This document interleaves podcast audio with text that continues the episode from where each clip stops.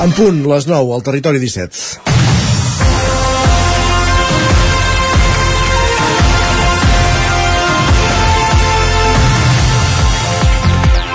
Bon dia. Els cotxes dièsel ja no arriben al 10% dels que es venen a Osona, segons titulava divendres el 9-9. Prenent de referència les dades de matriculació de la patronal catalana FKBM, s'observa com els cotxes de gasolina van continuar sent els més venuts l'any passat a la comarca, amb un 38,7% del total, i rere seu s'hi situen els híbrids, els híbrids lleugers, i després ja venen els dièsel, que són un 9%, i els elèctrics, un 8% de les vendes.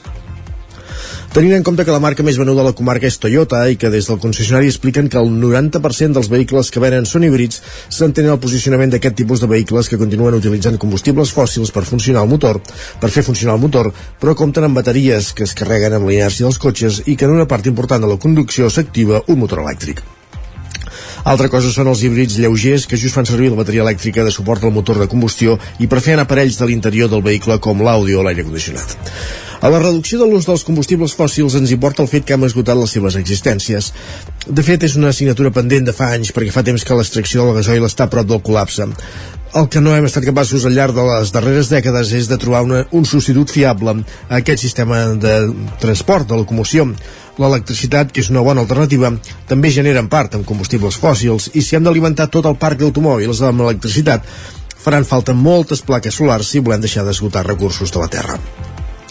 Ara, ara bé, l'entorn ens aboca a trobar una solució per, a més de deixar de dependre dels combustibles fòssils, reduir les emissions i contribuir a una millora de la qualitat de l'aire que, tal com explicàvem la setmana passada, en això, a Osona, malauradament, també són cap davanters, però per la cua.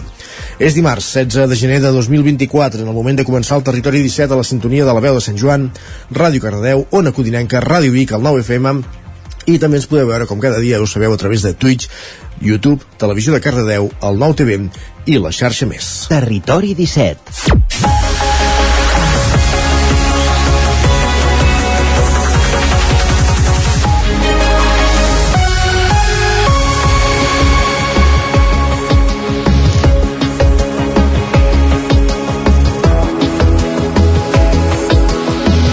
Dos minuts i mig que passen de les 9 del matí. En el moment de començar el territori 17 aquest dimarts 16 de gener de 2024 el magazín de les comarques del Vallès Oriental Osona, el Ripollès, el Moianès i el Lluçanès que us fa companyia cada matí durant dues hores entre les 9 i les 11 De quina manera, amb quins continguts? Doncs ràpidament us avancem al sumari del matí. Avui al territori 17 en aquesta primera mitja hora ens dedicarem a aprofundir en l'actualitat de les nostres comarques, en les notícies més destacades del territori 17 en connexió amb les diferents emissores que dia a dia fan possible aquest programa també farem un cop d'ull al cel per veure eh, què van ser aquests petits ruixats d'ahir la tarda, si tindran continuïtat, si s'intensificaran. Ens ho explicarà en Pep Acosta, el nostre home del temps, ja us avancem que, que no sembla que sigui així. I també anirem fins al quiosc amb en Sergi Vives per repassar quines són les portades dels diaris del matí. A partir de dos quarts de deu pugem al tren a la Trenc d'Alba amb l'Isaac Muntades des de la veu de Sant Joan recollint les cròniques dels oferts usuaris de la línia de tren Barcelona, Granollers, Vic, Ripoll i acte seguit a l'entrevista, el mateix Isaac Muntades conversa amb Gaspar Terrida de la xarxa d'Economia Social i Solidària del Ripollès, que aquest proper cap diumenge celebrarà la seva assemblea oberta al Casino de Can de Bànol. D'aquesta xarxa, de la xarxa d'Economia Social i Solidària del Ripollès, de la XES, en parlarem, com dèiem, amb un dels seus membres, en Gaspar Terrida. I acte seguit sortirem a l'exterior, no anirem gaire lluny dels estudis del 9FM, anirem fins a la Biblioteca Pilarín Vallès de Vic perquè avui, aquest matí, allà s'hi presenta una nova edició del Trufòrum Vic, aquest congrés a l'entorn de, de la tòfona, de la tòfona negra d'hivern, que se celebrarà a Vic els dies 3 i 4 de febrer al recinte Firal del Sucre, però que avui ja es presenta i ahir fins allà, fins a la presentació, s'hi desplaçaran Miquel Giol per parlar amb el director del Trofòrum, Daniel Uliac. A partir de les 10 notícies, la previsió del temps i a la secció d'Economia parlarem d'un tema d'actualitat. En Joan Carles Arredondo, el cap d'Economia del 9-9 del Vallès Oriental, posa l'accent en la situació de Grífols, després de, de la baixada a la borsa la setmana passada i de tota la tempesta que hi ha a l'entorn d'aquesta companyia farmacèutica catalana. A partir de dos quarts de deu, d'onze volem dir, ens endinsarem a X, la xarxa social abans anomenada Twitter, amb en Guillem Sánchez, repassant les violades més destacades del matí. I acabarem el programa com cada dimarts amb el podcast del racó de pensar de la Maria López i avui posant el focus sobre la pornografia. Retrat del porno. És el títol del podcast del racó de pensar que avui tanca el territori 17 a partir de dos quarts de 11 del matí i algun minut. Dit això, quan passen 5 minuts de les 9, ens posem en dansa aquí al Territori 17, com dèiem, repassant les notícies més destacades de les nostres comarques, el Vallès Oriental, l'Osona, el Ripollès, el Moianès i el Lluçanès, les notícies del Territori 17. Territori 17.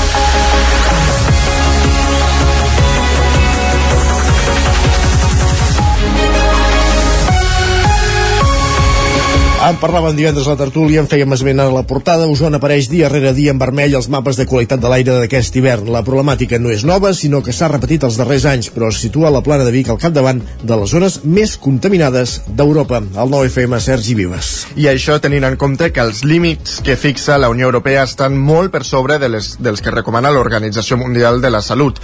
Els contaminants eh, que s'acumulen són sobretot les partícules en suspensió PM10 i PM2,5 que entren al torrent sanguini de les persones en respirar i el benzopirè.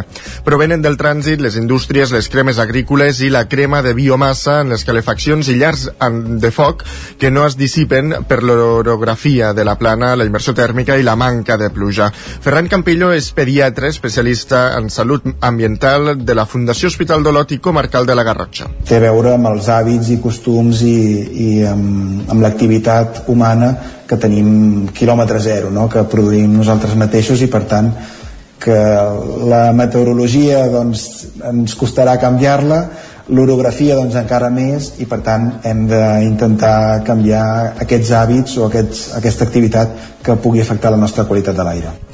Els efectes en la salut de la contaminació per partícules en suspensió que la, recer que la recerca mèdica ha identificat fins ara es divideixen en dues categories. Per una banda, segons Campillo, hi ha les exposicions a altes concentracions de partícules durant un temps curt.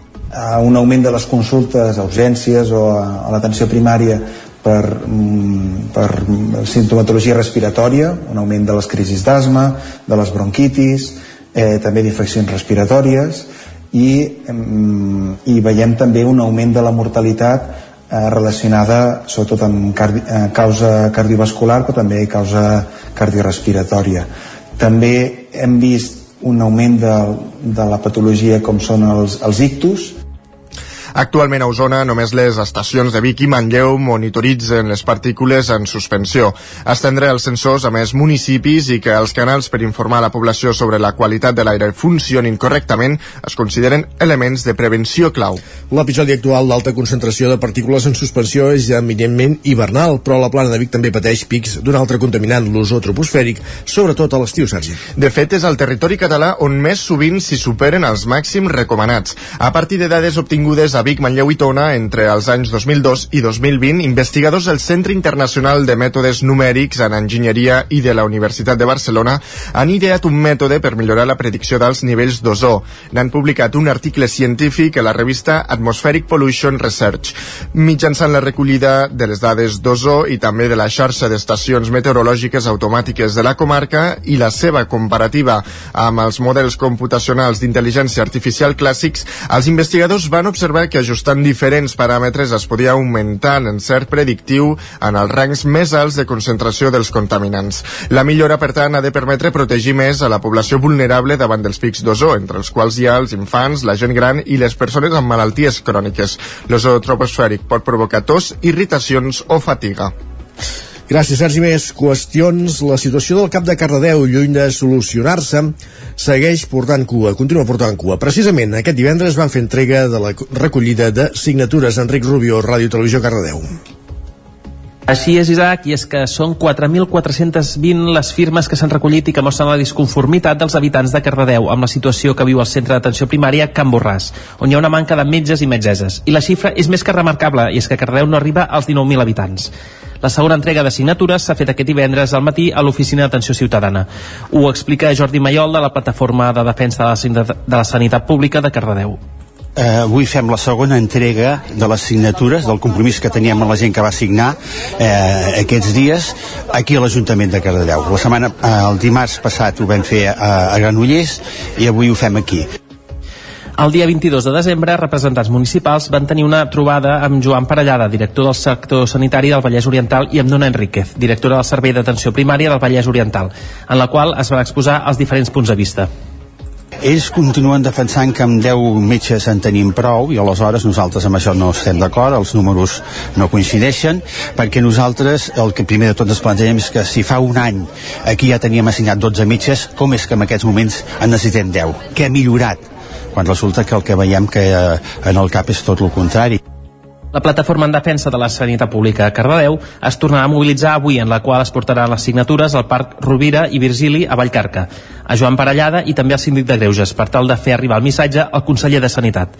El dia 18 a les 6 de la tarda es farà una assemblea per decidir els següents moviments i el dia 27 a les 11 es durà a terme una manifestació que anirà des del centre d'atenció primària fins a la plaça Sant Joan. Gràcies, Enric. Més qüestions. Eh, anem cap al Ripollès perquè l'equip de govern de Ripoll, de l'ultradretana Aliança Catalana, no restablirà la figura de l'educador de carrer, tot i que es va acordar recuperar-la en una moció presentada per la CUP.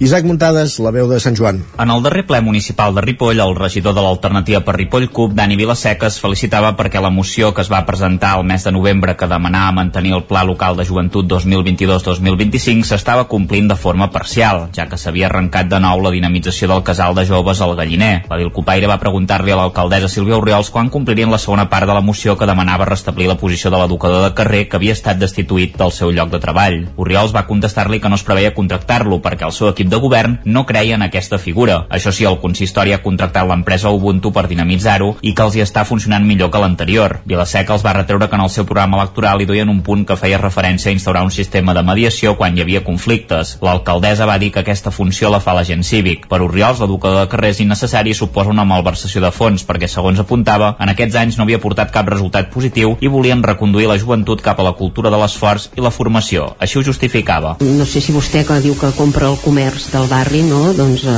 molts comerciants del barri vell ens havien comentat que l'havien vist menjant pipes amb els nois de, del carrer, per tant no crec que, que calgui no? tenir contractada una persona perquè vagi a passar les tardes amb el jovent menjant pipes a les escales del Banc Santander, no sé, potser vostè ho troba útil, però el meu equip de govern no.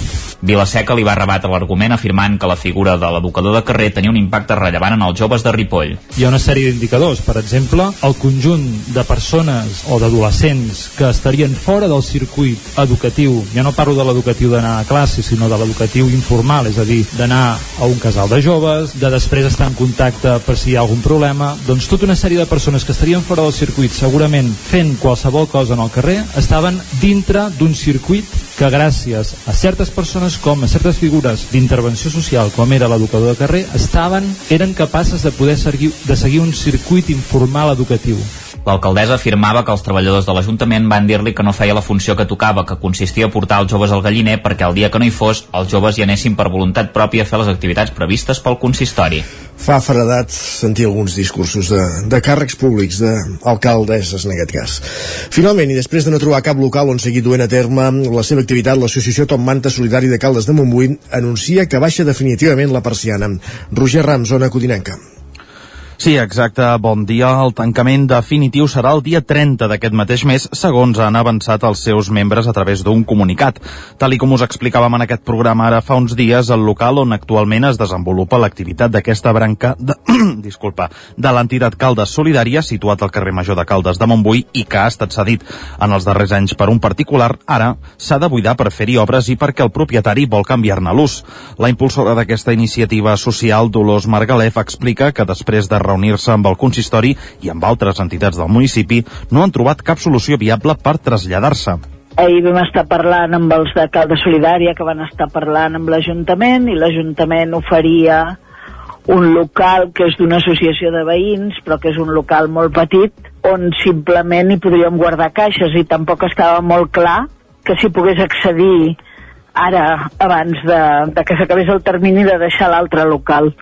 Llavors, la possibilitat que s'havia parlat del Col·legi del Carme, ara mateix, pues, aquest col·legi han de fer obres i clar, i nosaltres tampoc sabem quin espai ens tocaria allà dintre perquè una cosa és que hi hagi un local per entitats i una altra cosa és el Tom Manta que és més un format de botiga, diguéssim. L'organització explica que l'opció de llogar un local al centre de Caldes l'han descartat, ja que si l'entitat ha de destinar tots els seus beneficis a pagar un lloguer, es veuria obligada a abandonar la tasca social i, per tant, perdria el seu sentit. Tot i que per ara l'activitat del Tom Manta Solidari s'atura, Dolors Margalef apunta que seguiran negociant amb el consistori per tal d'arrencar un compromís que els permeti en un futur reubicar-se i tornar a engegar aquest projecte. Paral·lelament, pues, eh, es mirarà de seguir negociant amb l'Ajuntament i d'arrencar un compromís perquè necessitem saber què, cap on anem, no? Perquè si, si, si ara tanquem Bueno, evidentment, ara si tanquem la nostra font d'ingressos, que són els donatius i tot això, pues, eh, es perd i no sabem ben bé doncs, què, què passarà durant aquest temps.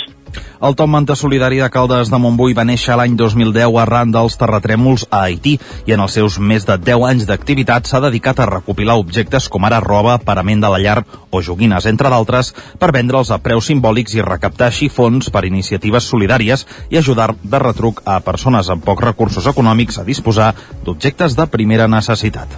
Gràcies, Roger. Més qüestions. 103 són les víctimes de violència masclista assassinades el 2023 a l'estat espanyol. Cada cadascuna d'elles es va representar amb una cadira buida diumenge a la plaça Major de Vic en un acte organitzat per Acció Trans i el col·lectiu Juntes Som Revolució, Sergi. Una fórmula per evidenciar el buit de totes les dones que aquest Nadal no han pogut celebrar les festes amb les seves famílies. Al costat de cada copa s'hi indicava el nom i l'edat de cada dona assassinada. Montserrat Castanyers, membre del col·lectiu Juntes Som Revolució. L'objectiu és que no hi hagi cap més cadira buida, ni per Nadal ni durant l'any i, i que, bueno, que, que ja n'hi ha prou que les institucions s'involucrin més i que el poder judicial o el que són els jutges eh, abans de, de treure una sentència i deixar anar un maltractador, un violador un, un energumen d'aquestes característiques s'ho pensin una mica amb aquesta performance també es volia fer evident la necessitat de seguir els casos de dones que denuncien els seus agressors i que per por acaben retirant la denúncia. Susana és membre també del col·lectiu Juntes Som Revolució. Vull dir que jo sobretot el que demano és que quan una dona fa la mínima denúncia, encara que la retiri, perquè moltes vegades per tu es retira. Que imagina't que tremendo que tu t'has de ficar al llit amb la mateixa persona que estàs denunciant. Eh? Vull dir que hi ha milers de dones en perill de mort ara mateix i que ja és hora de que la societat en general faci alguna cosa a banda d'aquesta escenificació, l'acte va comptar també amb un discurs de benvinguda a càrrec de la regidora d'Igualtat al consistori bigatà, Anna Alemany, i la lectura del manifest. També es va fer un minut de silenci i es va convidar les persones assistents a ocupar les cadires que fins en aquell moment s'havien mantingut buides en senyal de respecte. I encara en plana, i encara a Osona, el món de la cultura lamenta la mort als 82 anys del dibuixant i gravador Carles Vergés. Va arribar a Osona l'any 1978 i des de llavors la seva obra artística i la la seva activitat pedagògica van tenir la comarca com a epicentre. La família de Vergés va traslladar-se a viure a Sant Cugat quan ell tenia 6 anys, un fet transcendental en la seva vida perquè va marcar el seu inici com a dibuixant a la fàbrica de tapissos i catifes Aimat. Ell feia els esbossos en aquarel·les que després es reproduïen en mida gran. L'any 1979 va fer la seva exposició al Palau de la Virreina de Barcelona. Ja Osona, de seguida va vincular-se a la dinàmica artística i cultural del moment. Des del seu estudi de la guixa eh, va ensenyar tècniques del gravat. L'any 1997 va fer una exposició al Temple Romà de Vic. Un dels seus darrers eh, grans treballs va ser al costat de Víctor Sunyol amb l'exposició Exilis, Fronteres i Desarrelaments, un encàrrec de l'Ajuntament de Barcalés, al Rosselló, per treballar sobre el tema dels exiliats catalans de l'any 1939. La cerimònia de comiat de Carles Vergés va tenir lloc dissabte al Tanatori de Vic. I així acabem aquest repàs informatiu que començàvem al punt de les 9 en companyia de Sergi Vives, Isaac Muntades, Enric Rubio i Roger Rams. Moment al territori 17 de saludar també en Pep Acosta.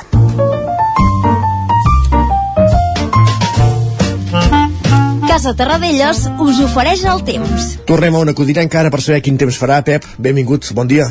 Hola, molt bon dia. Com estàs? Una salutació a tota la gent que ens escolta, també, lògicament, a tota la gent que fa el programa. Uh, què tal? Molt bon dia.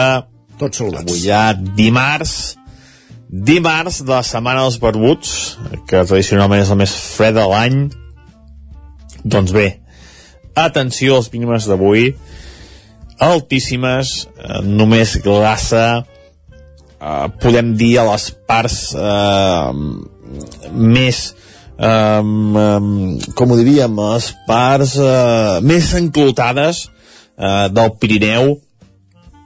Hi ha com un matalàs eh, d'aire calent eh, a, les, a les parts mitjanes eh, cap a uns 1.000 metres 1.500 hi ha aquest matalàs d'aire calent que fa que les temperatures no puguin baixar. Mínimes de fins a 6-7 graus per exemple cap a Mollà cap a, cap a Vic. Eh, mínimes de positives cap a la zona de l'Aiter 1 o 2 graus. Molt, molt per sobre del que hauria de ser la setmana dels barbuts, que hauria de ser la setmana tradicionalment més freda de l'any, glaçant cada dia, i ja veieu quines temperatures més altes, del tot inacceptable novament el que està passant. Um, això, per què? Per què? Doncs perquè hi ha aquests, aquests vents de ponent, aquests vents que venen descalfats, arriben molt escalfats, aquests fronts desgastats que no ens aporten puja i ens aporta aquesta pujada de temperatura, en definitiva, tot un, una mica tot un desastre. I avui eh, la temperatura al migdia serà molt suau, moltes màximes de 14 a 18 graus, fins i tot per sobre dels, alguns punts més càlids del prelitoral, eh, per sota, lògicament, les zones més altes del Pirineu, però bueno, unes temperatures ben bé 7-8 graus més altes del que tocaria. No, no, no hi ha manera de que faci el temps que ha de fer. Uh, novament avui bastants núvols uh, núvols clarianes uh, molts núvols uh, alts uh, que són el preludi d'un petit front que demà ens creuarà. Però bueno, anem per parts del temps d'avui. I serà un temps això eh, tranquil, eh, amb sol, amb núvols alts, eh, els núvols cada vegada faran més espessos i els vents eh, cada vegada es faran més aponentats, eh, bufaran una mica forts cap a sota del Pirineu i és aquest vent aponentat que farà que la temperatura es dispari, venia a fer que la temperatura es dispari i que no baixi durant gairebé tota la setmana dels barbuts. Per tant, eh, una nova excepció meteorològica aquest 2024, que fa pocs dies que hem pensat, però les excepcions meteorològiques van sumant, eh? Fatal, fatal. I això és tot, eh, disfrutar, encara que sigui d'aquest temps del tot inapropiat per aquestes dates, com deia, temperatures suaus, poca puja i bastants núvols. Adeu. L'important, poca pluja. Eh, ens ho apuntem. Gràcies, Pep. Parlem d'aquí una soneta. Casa Tarradellas us ha ofert aquest espai. I del cel, del temps, cap al quiosc.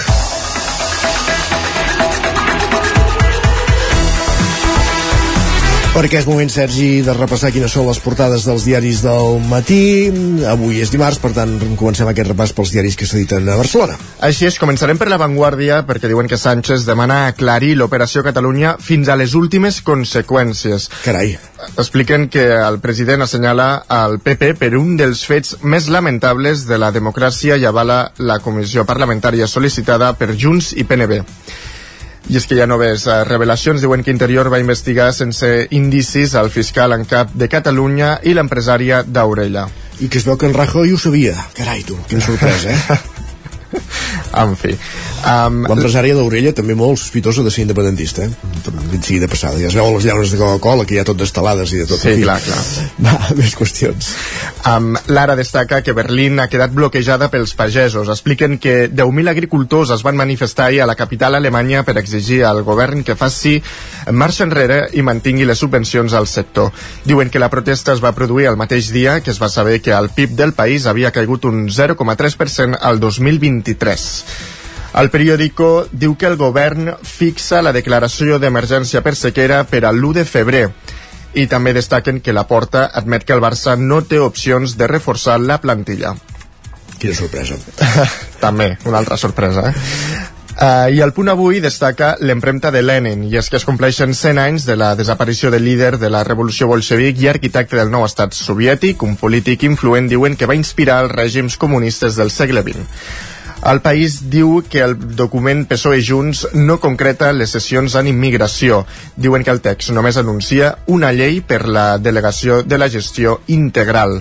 Per altra banda, diuen que la violència a Israel i en el conflicte del Mar, del Mar Roig empitjora el, el conflicte. Un, diuen que un atemptat a Tel Aviv i un missil contra un vaixell dels Estats Units agreugen el temor a una escalada regional per la guerra a Gaza. La Razón diu que Junts lligarà els pressupostos a la cessió total dels tributs. Expliquen que Puigdemont creu que el PSOE ja no té escapatòria amb l'amnistia i mira la següent fase. Els socialistes diuen que es pleguen davant els independentistes ja que, no, ja que necessiten els vots.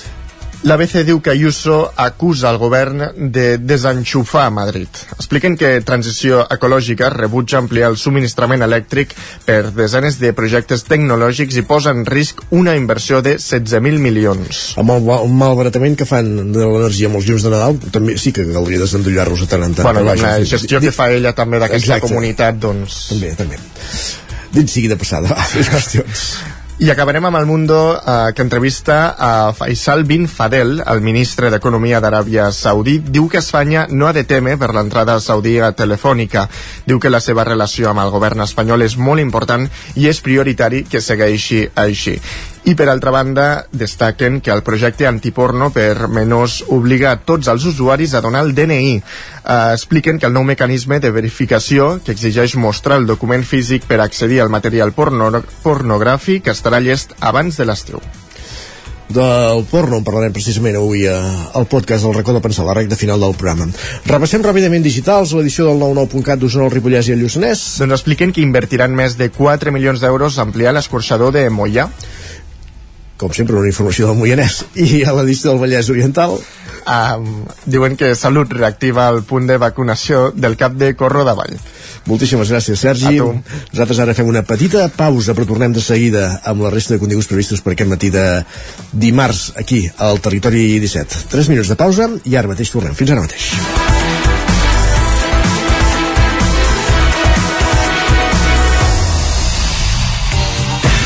El nou FM, la ràdio de casa, al 92.8. Cobertes serveis funeraris.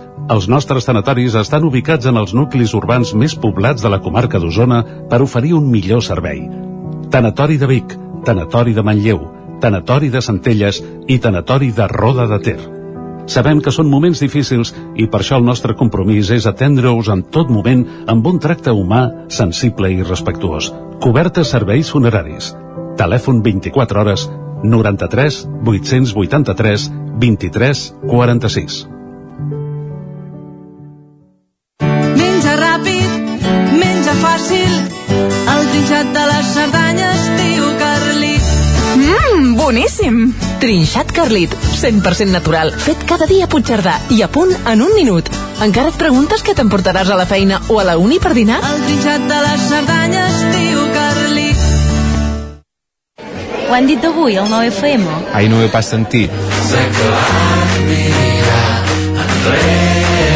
Tot té solució. Recupera programes, seccions i entrevistes del 9FM al 9FM.cat. Des de ben petit tindré un somni que és obrir un restaurant. Han sortit moltíssims llibres. Et demanen dades que, per altra banda, l'administració ja hauria de tenir. I ja no com a ramadera, sinó com a ciutadans. Nosaltres intentem que tothom pugui marxar amb un croissant. I trobaràs també tots els nostres podcasts.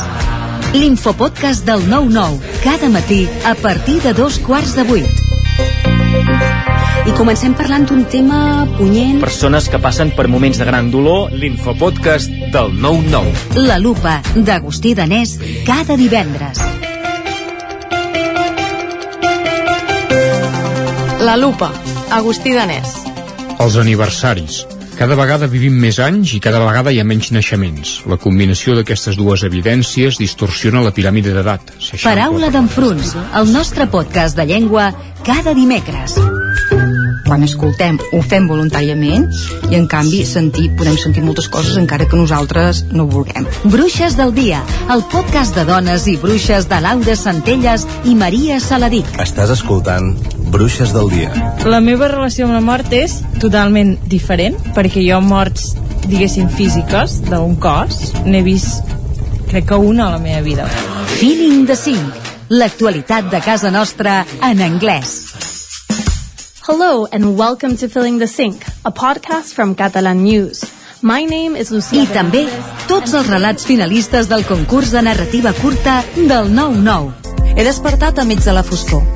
Tinc la boca seca i els ulls El 9fm.cat, la ràdio en línia i els podcasts del 9FM. Territori 17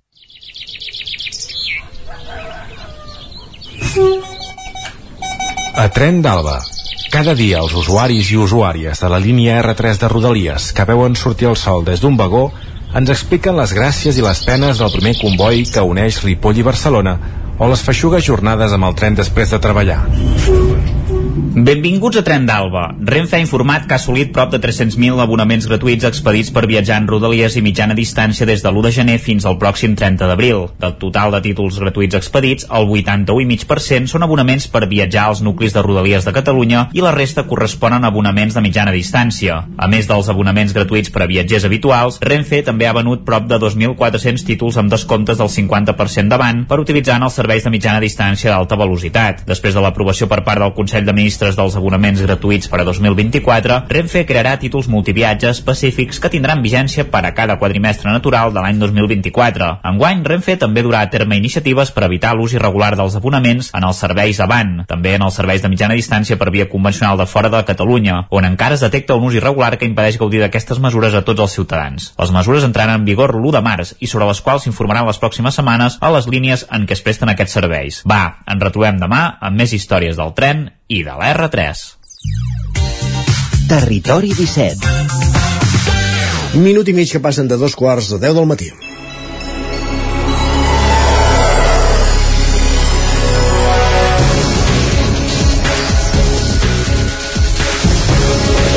Avui a l'entrevista anem cap al Ripollès per aprofundir en la xarxa d'economia social i solidària d'aquesta comarca. L'Isaac Muntades conversa amb un dels seus representants. Gaspar Tarrida. Isaac, benvinguts, bon dia. Aquest diumenge es farà al Casino de Can de Bànol l'assemblea oberta de la xarxa d'economia social i solidària del Ripollès que du per títol Futurs impossibles, amb l'IM eh, tatxat, i per tant volem saber com s'articularà i tot allò que s'hi debatrà. I per parlar d'això, doncs avui al Territori 17 tenim amb nosaltres a un dels membres de la XES, en Gaspar Tarrida, que ens farà 5 cèntims de, de tot plegat. Bon dia, Gaspar, i benvingut al, al programa. Bon dia. No sé si trobes a afectar primer de tot la foc lent, eh? bueno, bueno, sí, una mica sí. Una mica sí, eh? Esperem que també algun dia et podem, et podem escoltar allà. Uh, per començar, Gaspar, aquesta assemblea oberta de la XES vol parlar de com ha de ser el Ripollès l'any 2040 això és molt extens en general, no?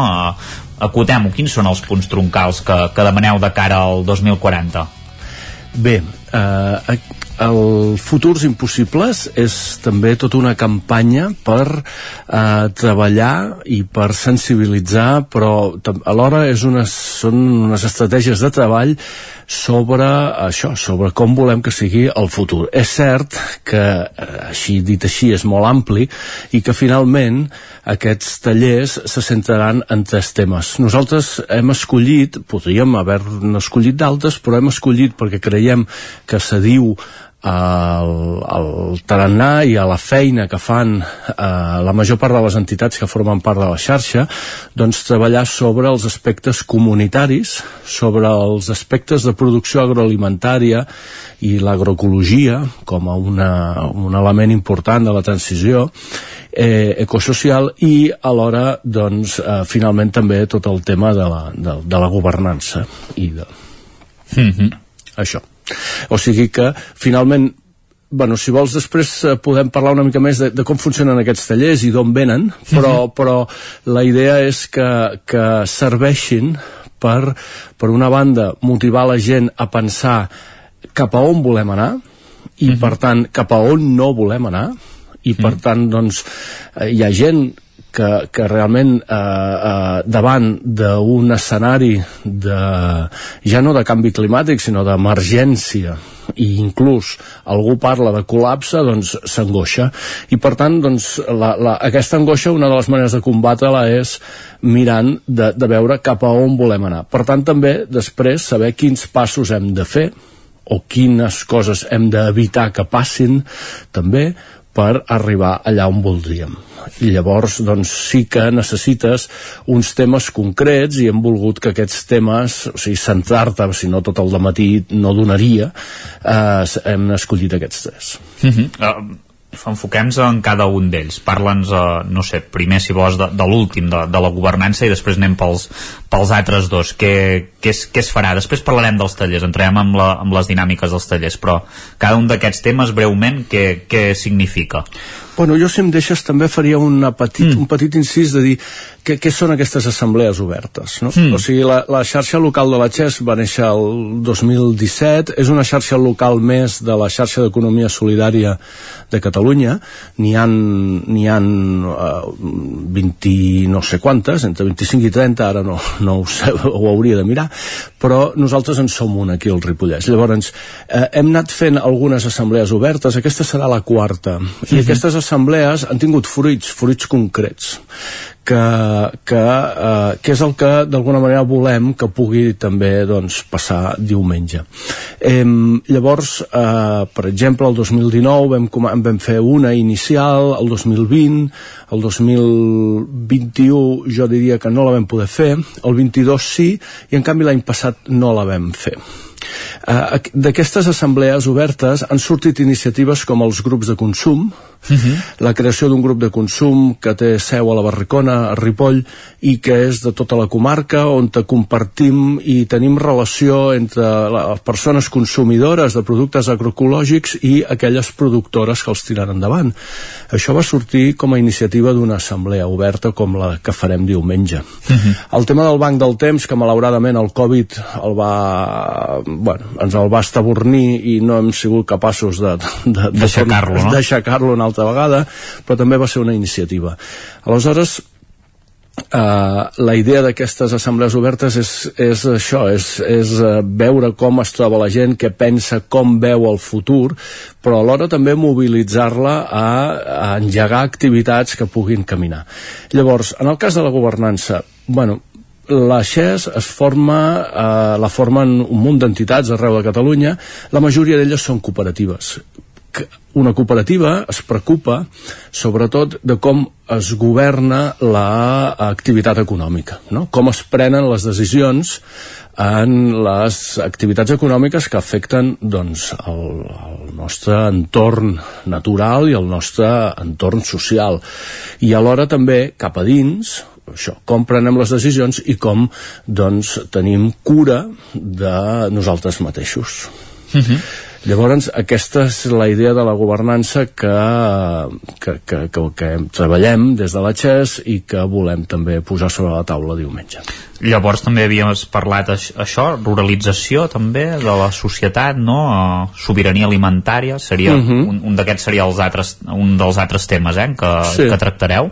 Sí, sí, de fet hi ha unes imatges perquè aquests tallers de futurs impossibles formen part d'una campanya que va iniciar la XES per la transició ecosocial que en diem i que se n'han fet ja uns d'aquests tallers com el de diumenge se n'han fet una 25 jo diria arreu de Catalunya alguns s'han fet en trobades importants com el Fòrum de la Transició a la Universitat de Barcelona o la pròpia FESC, la pròpia Fira de la XES etc. Llavors aquestes, eh, aquestes trobades tenien doncs també havia de focalitzar en alguns temes no? llavors una mica per motivar la gent a venir diumenge vam, uh -huh. vam agafar algunes imatges no? d'aquests tallers anteriors i, i llavors la idea de ruralitzem la societat que és una idea que apareix molt més des de, des de la ciutat. Nosaltres aquesta mm -hmm. no, no la treballarem diumenge perquè nosaltres entenem que ja estem en un entorn rural, però eh, eh, bueno, és una de les idees que surt d'aquesta transició ecosocial vista des de la ciutat és la necessitat de diguem-ne de, de, sí, de, de tornar o, o de valorar d'una manera diferent els entorns rurals sí. Mm -hmm. és mhm. interessant i és interessant també la, la, la visió des de la ciutat i la visió des de comarques com la nostra, que és ben diferent. Uh -huh. També eh, volia comentar això, eh, abans hem parlat dels de, tallers, no? Com, com s'enfocaran aquests tallers? Com els dinamitzareu? En què consistiran? Eh, mm. No sé si s'ha de dividir també la gent en grups, com, com funcionarà sí. tot plegat? Sí, de fet, eh, l'Assemblea Oberta començarem amb un petit balanç del que han estat aquests últims anys i aquests últims mesos, i per això serà una part molt breu a l'inici, com de presentació, i després de, de seguida anirem cap als tallers. Els tallers eh, venen a dinamitzar-los quatre persones. Tenim quatre persones, quatre facilitadores que s'han format en aquesta metodologia d'escenaris de futur, es diu així, uh -huh i que és la que es va escollir des de la campanya Futurs Impossibles. Llavors, escenaris de futur implica dibuixar quatre escenaris quatre escenaris eh, que de fet ja estan diguem-ne dibuixats que van des de eh, l'economia solidària com a un escenari ideal en el que ens agradaria viure el 2040 un, dos escenaris centrals que tenen diferències que al voltant de, de, de com es governarien i d'aquí la idea de la governança però aquests dos doncs, tindrien molt a veure amb una transició energètica aquesta -hmm. idea que també ens porten els Next Generation no? de que és possible si fem un canvi tecnològic i, i alhora doncs, eh, bueno, doncs, com ha de ser aquesta transició energètica que ens proposen. L'hem de fer les grans empreses, l'hem de fer des de la ciutadania, l'hem de fer d'una forma cooperativa, com, com, ho, com consumim tot plegat. Aquí, per exemple, un incís, Gaspar, uh eh, -huh. Mhm. aquí al Ripollès hi ha hagut cooperatives energètiques ara, uh mhm. -huh. precisament, que han vingut una mica potser més des de la societat, tot i que el municipalisme jo crec que també uh -huh. hi, ha, hi ha ajudat, o si més no hi, hi, hi recolza, hi ha dos exemples clars, aquí a Sant Joan de les Abaderes tenim uh, Energia Sant Joanina, uh -huh. i a Can Demano, que és on es farà aquesta assemblea el diumenge, hi ha, hi ha la Can Demanolenca, hi ha sinergies, sí. no?, entre els dos, també entenc. Sí, sí, sí, sí, sí. de fet les comunitats energètiques també, no, jo no vull dir que ara que siguin fruit de l'assemblea oberta, però a les darrera, la darrera assemblea oberta van ser un dels temes importants, uh -huh. D'això fa dos anys, i és interessant i per això farem aquest petit balanç a l'inici doncs és interessant veure com en aquests dos anys han evolucionat aquests projectes no? llavors eh, hi ha molt, s'ha fet molta feina que encara no és prou visible perquè realment és complicat en el cas de, de, de l'energia de les comunitats energètiques doncs poder acabar eh, doncs això, instal·lant l'energia, instal·lant les plaques fotovoltaiques famoses però, però és, farem un balanç per això, per, per mostrar això, que els projectes doncs està, hi són, no?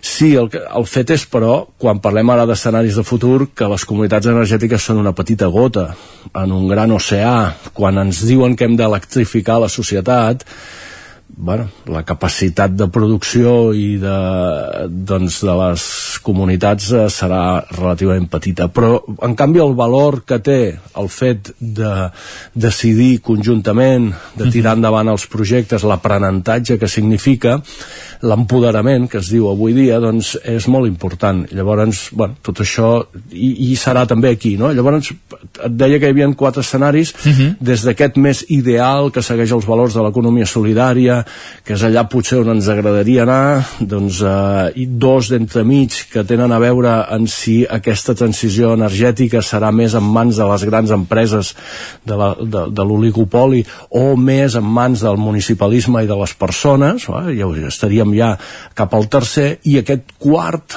que és allà on no voldríem arribar, que uh mhm. -huh. se li posa un títol d'ecofeixisme. És un títol que dona eh, diguem-ne, molt per parlar eh, de fet està molt definit i això, pues, qui vulgui ho pot buscar no? però, però realment com el, la, aquest, aquesta emergència social i, i, i ambiental que vivim acaba donant lloc doncs, a pràctiques polítiques doncs, que, que tenen doncs, això, un reflexe molt important en el feixisme dels anys 30 i de fet aquests escenaris es defineixen de forma doncs, bastant artificial perquè es facin quatre grups que cadascú treballi la visió d'un d'aquests escenaris. Però a l'hora de la veritat ingredients de cada un d'aquests escenaris els estem vivint tots junts i tots barrejats eh, ara, en aquest moment o sigui, pràctiques de l'ecofeixisme no cal anar a la Rússia de Putin Mhm. eh? o, o a l'Israel de Netanyahu o altres, no? O sigui, la, o, o a l'Amèrica de Trump que justament ahir doncs, tornava a emergir no? com el gran Mhm. candidat, no? ja veurem, però doncs, sinó que en la nostra quotidianitat també les podem trobar i que és el control de les migracions, el control de les fronteres, el control de les persones, eh, mm, la intel·ligència artificial, per què la volem? La volem com a un element de seguretat i de control, o la... tot això pot estar sobre la taula.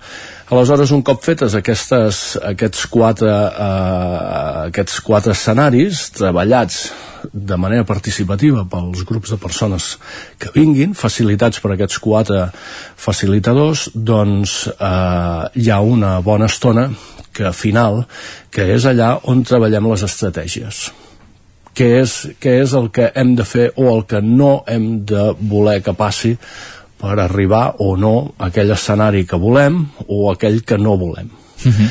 Llavors, aquesta és, són, són un, de fet, aquestes metodologies d'escenaris de futur són eh, eh, metodologies d'estratègia que fan servir també les grans empreses. Uh -huh.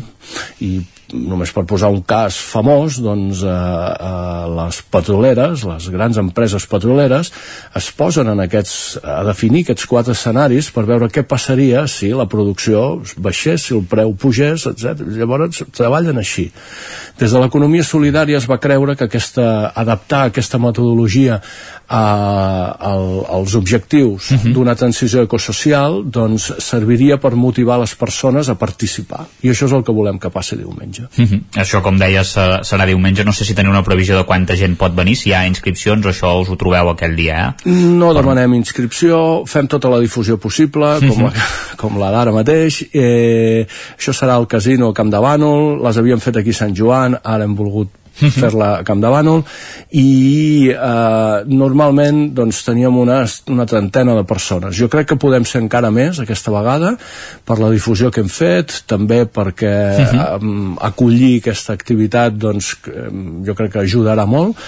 I, i sí, esperem això entre unes 30-40 persones fer aquests uh, grups i poder treballar. I acabarem també fent un dinar Correcte. que, que com que ho fem al casino doncs cadascú es porta el seu De dinar Carmanyola, eh? exacte, De Carmanyola. cadascú fa, s'ho porta Això que comentaves, eh, Gaspar, això serà al casino aquest diumenge de 10 a, a 2 de, del matí uh Mhm. -huh. eh, per fer doncs, aquests eh, futurs impossibles al Ripollès any 2040, aquesta assemblea oberta de la XES més els tallers d'escenaris de, de futur. Uh Mhm. -huh. Doncs moltes gràcies, Gaspar Tarrida, per ser avui al Territori 17 amb nosaltres novament i, i ja saps que és casa teva aquí quan vulguis i, i anem parlant. Moltes gràcies a vosaltres Adéu.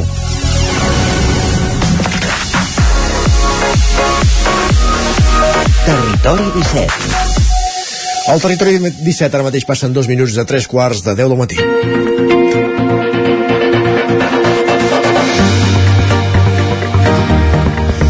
Moment de sortir a l'exterior, ens agrada avançar-nos. Acabem de eh, emetre una entrevista que avança l'Assemblea de la XES, de la xarxa de l'Economia Social i Sostenible de Ripoll del proper diumenge, i ara encara anem més enllà, perquè tot seguit el que volem és parlar del Trufòrum, el congrés que es fa a l'entorn de la tòfona negra d'hivern a Vic, eh, que es farà el cap de setmana del 3 i 4 de febrer, però que aquest matí es presenta a la Biblioteca Pilarín Vallès de Vic. I allà ja s'hi ha desplaçat en Miquel Giol. Bé, Miquel, benvingut, bon dia.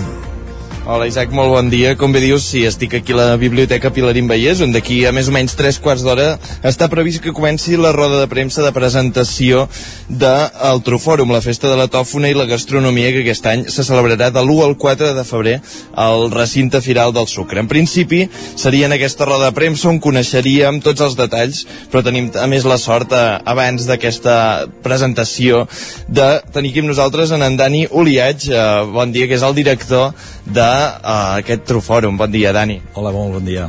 Dani, abans de res, uh, veient la situació de sequera, fent el, el, el mal temps aquest que ja ens porta temps arrossegant aquesta manca d'aigua, com està la situació de la trufa? Tindrem problemes amb, la, amb les tòfones? Sí, n'estem tenint, ja, vam, ja va ser l'any passat una temporada força complicada, que portem dos anys consecutius, gairebé tres, amb una sequera prolongada, ja no és un tema de que no ens plogui a l'estiu, és que no ens plou ni a la primavera, ni ens plou a la tardor, ni ens plou a l'hivern. Llavors, això té conseqüències greus, a part de que tenim, notem, com un increment de les temperatures, i com que està desapareixent la primavera i la tardor, per tant això ens afecta el naixement de la tòfona i després el, el que seria el, el, el seu creixement. Llavors, a nivell de silvestre, el, el problema és molt greu perquè, perquè el silvestre depèn de, de la climatologia totalment, per tant es preveu, no estem tenint una temporada molt dolenta i a nivell de conreu mm, no, no, no és que sigui eh, no, no és bona, no és, el, no és positiva però gràcies, gràcies al Conreu i que tenim unes tècniques, sobretot amb rec de suport, que podem almenys mantenir la producció, perquè si no, si no fos per això avui dia desapareixeríem del mapa, deixaríem de ser un país productor de tòfona. Sap greu dir-ho, però, però aquesta és la, la realitat. I esperem que, que comenci a ploure, perquè si no ho tenim fotut tots. Per tant, són aquests nous models de producció de tòfon, aquesta més uh, orientada ja directament al que potser serà la protagonista d'aquesta edició del Trofòrum? Sí, nosaltres no, no diferenciem, eh? És, al final eh, parlem de tòfon, el concepte del, del Trofòrum és, és disfrutar de la tòfona, de, tenir un, de gaudir d'un cap de setmana de la tòfona. Llavors, és un esdeveniment que és molt transversal. Eh, en un cap de setmana tenim tota la cadena de valor del sector tofoner, és a dir, tenim els productors de tòfona, que poden ser de silvestre com, com de cultiu, passem pels empresaris que fan productes elaborats trufats amb, amb tòfona del, del, del país, i després consumidor final, cuiners, show cookings, la gent podrà tastar, podran olorar la tòfona, podran disfrutar, gaudir de la tòfona, això és molt important. Però a més a més, en l'apartat professional tenim temes més específics enfocats a lo que sigui la gestió de les tofoneres, del conreu, fem un congrés internacional amb ponents que ens venen d'arreu del món, d'acord? Eh, aquest any li donem un pes molt important a la gestió de l'aigua, al rec, perquè estem en un context molt, molt complicat i per tant cal, cal que la gent arribi la informació de les darreres novetats que, que s'estan fent a nivell de, de recerca i en definitiva és això que tothom, tothom pot gaudir tant professionals com públic en general d'aquest cap de setmana perquè precisament això, una de les novetats que hi va haver ja l'any passat és que eh, totes aquestes activitats que ara comentaves, que, que després eh, especificarem una miqueta més, es van instal·lar en el, en el recinte firal d'aquí el Sucre de Vic, que va ser potser un salt cap a una, un, un espai molt més gran o més eh, ampli que us donava més varietat per al joc. Es veu quedar satisfet? Suposo que sí, perquè repetiu, però quina valoració en veu fer? Sí, van fer una valoració molt positiva, sempre fa una mica de por, no? Fas un salt amb, unes, amb un recinte recinte molt més gran, per tant, en recintes més grans et pot venir gent, però ha de venir molta gent perquè tinguis una sensació de, de, que, de, que, de que està ple, i en aquest sentit vam quedar molt contents, vam tindre molt més públic, també a poc a poc, això és un procés que, que hem de tenir en compte, eh? a poc a poc la gent va coneixent l'esdeveniment. Hem de pensar que la Fira de la Tòfona d'Alba porten 90 anys realitzant-la. Llavors, no hi van un milió de persones a la Fira d'Alba per casualitat, és perquè hi ha un esforç de moltes institucions, de les empreses, del sector, durant molts anys. Per tant, és un cúmul de factors, eh? és poquet a poquet, vam tindre la situació Covid, que vam tindre com una parada, això ens va frenar, però és el fet de que ens vagin coneixent i de fer bé les coses, eh? i en aquest sentit l'any passat també a nivell de, de promoció vam arribar molta més gent, tot el tema de les xarxes socials, eh, també a, ajuden i després és un públic també específic que, que li agrada la cuina que li agrada disfrutar del menjar i és el que tenim que atraure l'objectiu és donar a conèixer la tòfona catalana, el Vic fa una mica de paraigües en aquest sentit, d'acord? A nivell de producció és tot, tot Catalunya, però Vic fa una mica de, de paraigües i de, i de visor per donar a conèixer la tòfona catalana. Llavors, un dels objectius que ens van marcar dins del Pla d'Acció per al Desenvolupament del Sector Tofonem, el Departament d'Acció Climàtica, va ser donar a conèixer la tòfona a nivell intern i també a nivell extern. Però per anar a nivell extern hem de tenir cultura tòfona pròpia, és a dir, ens hem, hem de trufar el país. I això sí que ho, ho té França i ho tenen Itàlia. Ells tenen incorporada la tòfona a la seva gastronomia. Per tant, quan anem fora, què els hi passa? Que ells donen a conèixer el seu producte incorporant-ho amb la seva cuina, la cuina francesa o la cuina italiana, d'acord? I això els permet donar un valor afegit a la seva tòfona, que en aquest cas normalment la tòfona negra sol ser de la península ibèrica, perquè som els principals productors del món. Llavors és això, el, eh, podreu, podrem gaudir-ne d'aquesta fira del l'1 al 4 de, de febrer. Teniu ja més o menys eh, estructurat quines són les activitats, una miqueta el programa que hi hauran durant aquests dies, eh, que ens puguis explicar una miqueta? Sí, resumim, re, hem de resumir perquè és molt, és molt ampli. Comencem amb, amb formació en escoles d'hoteleria, d'arreu de Catalunya, ens vindran més de 200 estudiants d'escoles d'hoteleria dijous i divendres, amb quin objectiu?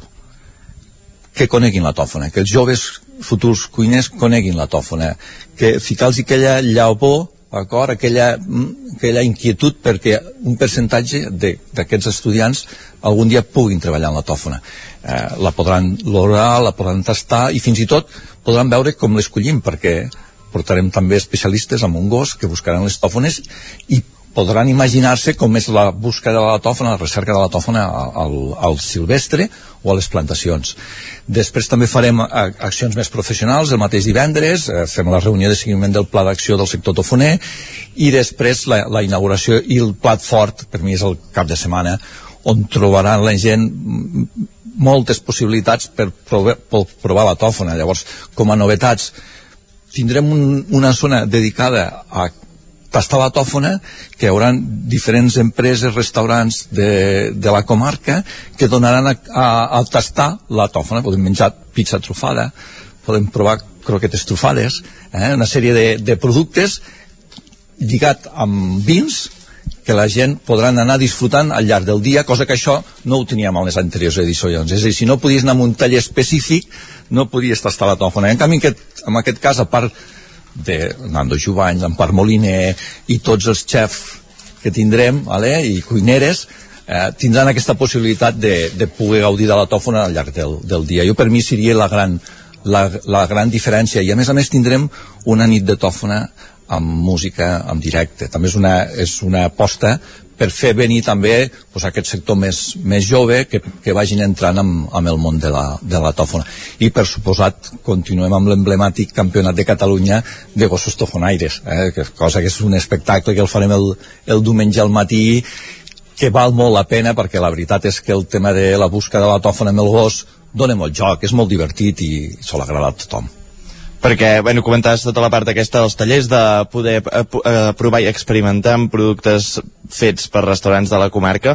L'entrada en el recinte és gratuïta, però per, aquesta, per aquests tallers o per aquestes cates en concret, eh, com funciona? La gent ha de pagar eh, per aquell taller en concret? O? Sí, ja, dependrà molt de l'activitat, però hi ha activitats que sí que són, són de pagament, però l'entrada és totalment, és totalment gratuïta, eh? és a dir, hi ha moltes activitats que són, són de lliure accés i, i gratuïtes, i d'altres, però són uns preus molt, molt simbòlics. Eh? També, tam, també tenim l'esmorzar, eh? que, que la gent podrà venir a esmorzar amb, amb tòfona, també té un, té un cost, però clar, estem parlant d'un producte que val uns diners, eh? Yeah. no sé si en voleu parlar però, però val uns diners i més en anys d'escassetat de, com aquest d'acord que els preus que s'estan pagant als productors anirien per sobre dels 500 euros de mitjana aquesta temporada, però aquesta tòfona ficada al consumidor final, és a dir, rentada, seleccionada, en funció de la categoria, tranquil·lament pot anar entre els 800 i els 1.200 euros el quilo. Per tant, un gram de tòfona seleccionada doncs, pot estar al voltant d'un euro. Eh? Per, si ens fem una, si podem imaginar una tapa trufada que hi fiquem 2, 3, 4, 5 grams, doncs és fàcil de veure que de seguida li, li dones un valor més alt i per tant hi ha, hi ha coses que sí que s'hauran de pagar però que són molt accessibles eh? és això, el preu per quilo eh, al productor 500 més de 500 eh, al consumidor final al voltant dels 800-1.200 però quan ho passem al plat doncs estem parlant d'això de 3-4 euros això jo crec que és, és possible, es pot fer ens has mencionat noms com Nando Jovany, Empar Moliner, que passaran també per aquesta, per aquesta edició del Trufòrum. Tenim altres noms així destacables que, que veurem? Donarem l'ambaixador de la tòfona, el Joan Roca, tots, per, tots, per tots coneguts, i tenim un ventall molt, molt ampli eh, de, de cuiners, és un programa molt, molt extens. I això, la tòfona d'or, ara has parlat de l'ambaixador, la tòfona d'or ja es pot saber uh, a qui anirà destinada? Sí, sí, a la presidenta del Parlament, a, a la senyora Anna R. Per tant, una satisfacció també i que es queda aquí dins de la comarca el, el, que- el que és la tòfona d'or. Sí, sí, sí, totalment. És, és un orgull, és una satisfacció per tots, i tant.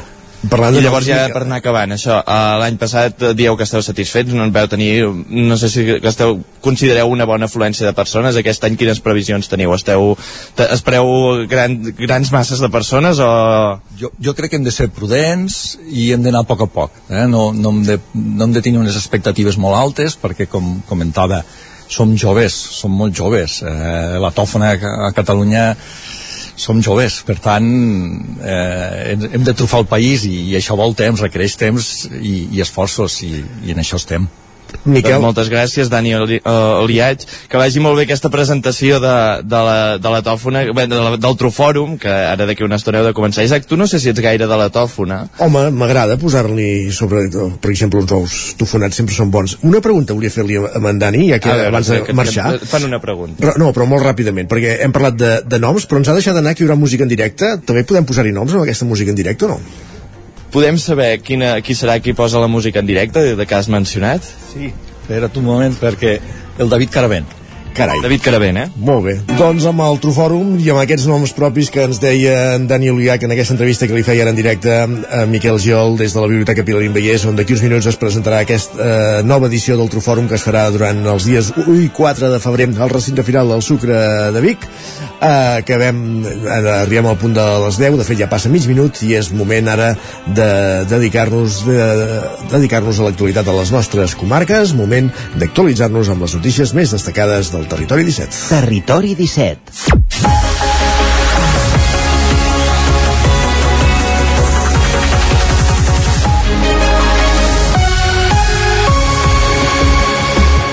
Notícies del Vallès Oriental, l'Osona, el Ripollès, el Moianès i el Lluçanès en connexió amb les diferents emissores que dia a dia fan possible aquest programa eh, que també ens podeu on el, a través, un programa que també podeu veure a través de diversos canals com són Twitch, YouTube, Televisió de Cardedeu el Nou TV o la xarxa més Osona apareix dia rere dia en vermell els mapes de qualitat de l'aire aquest hivern. La problemàtica no és nova, sinó que s'ha repetit els darrers anys, però situa la plana de Vic al capdavant de les zones més contaminades d'Europa. Sergi Vives, el 9FM. I això tenint en compte que els límits eh, que fixa la Unió Europea estan molt per sobre dels que recomana l'Organització Mundial de la Salut. Els contaminants que s'acumulen són sobretot les partícules en suspensió PM10 i PM2,5 que, entren, que entren al torrent sanguini de les persones en respirar i al benzopirè.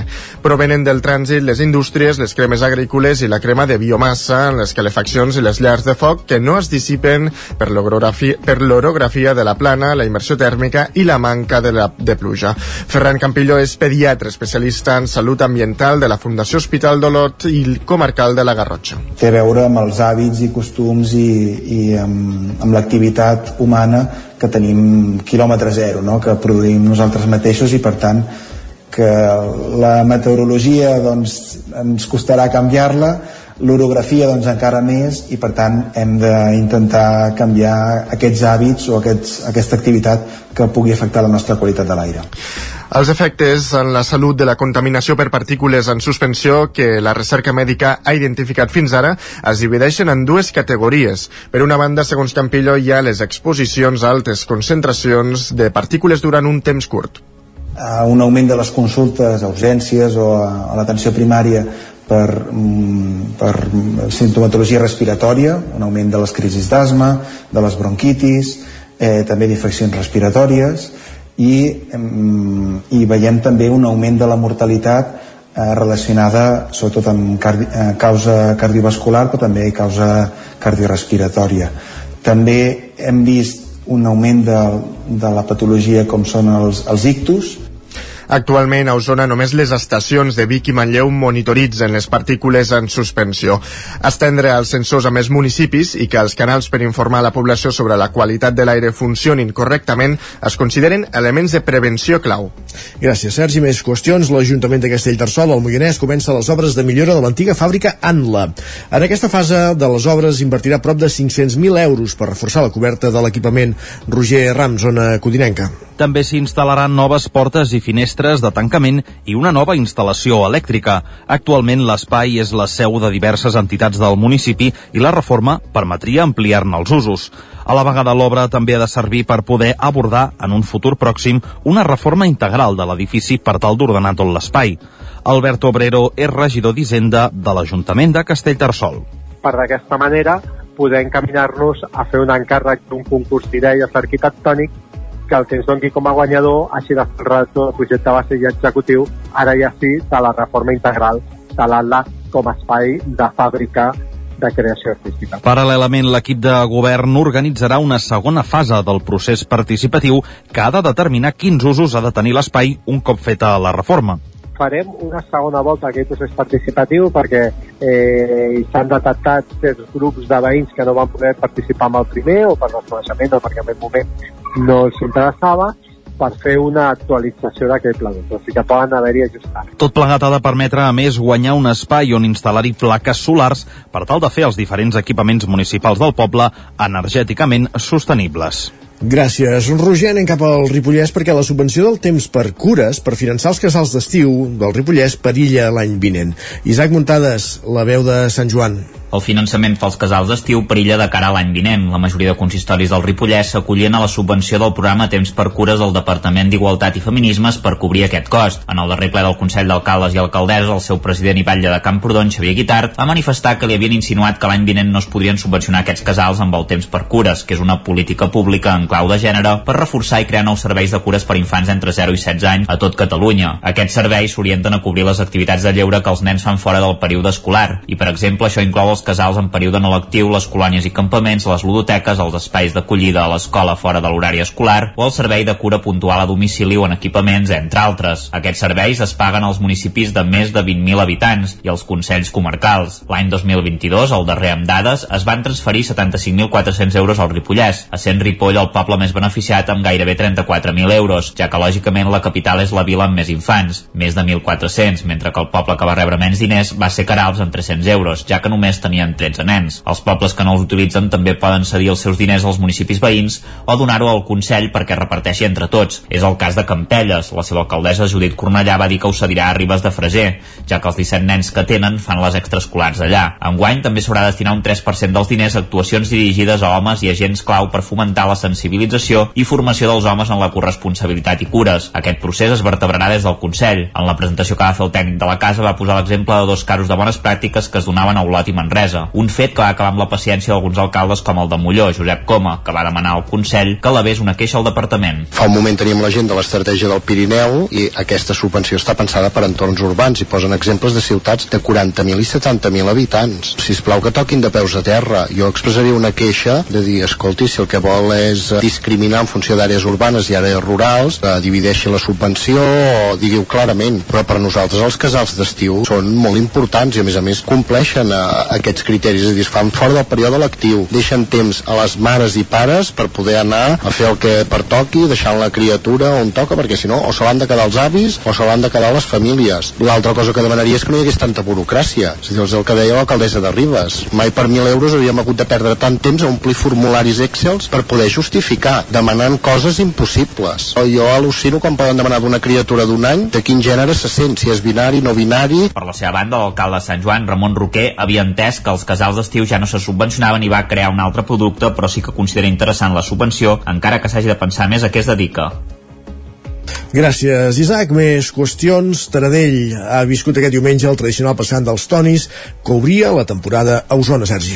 Adaptar-se o morir. Així de contundents es mostraven des de l'organització dels tonis de Taradell i l'aposta per l'adaptació als nous temps va funcionar aquest cap de setmana en una nova edició de la festa que es va recuperar l'any 1982. Un canvi de rumb que se centra en el patrimoni i el benestar animal. Una predicció que ja feia l'any 1995 el llavors responsable de cultura de la, gener de la Generalitat Jan Grau, convençut que recupera el patrimoni salvaria la festa i així és, i es preveu que ho continuï sent.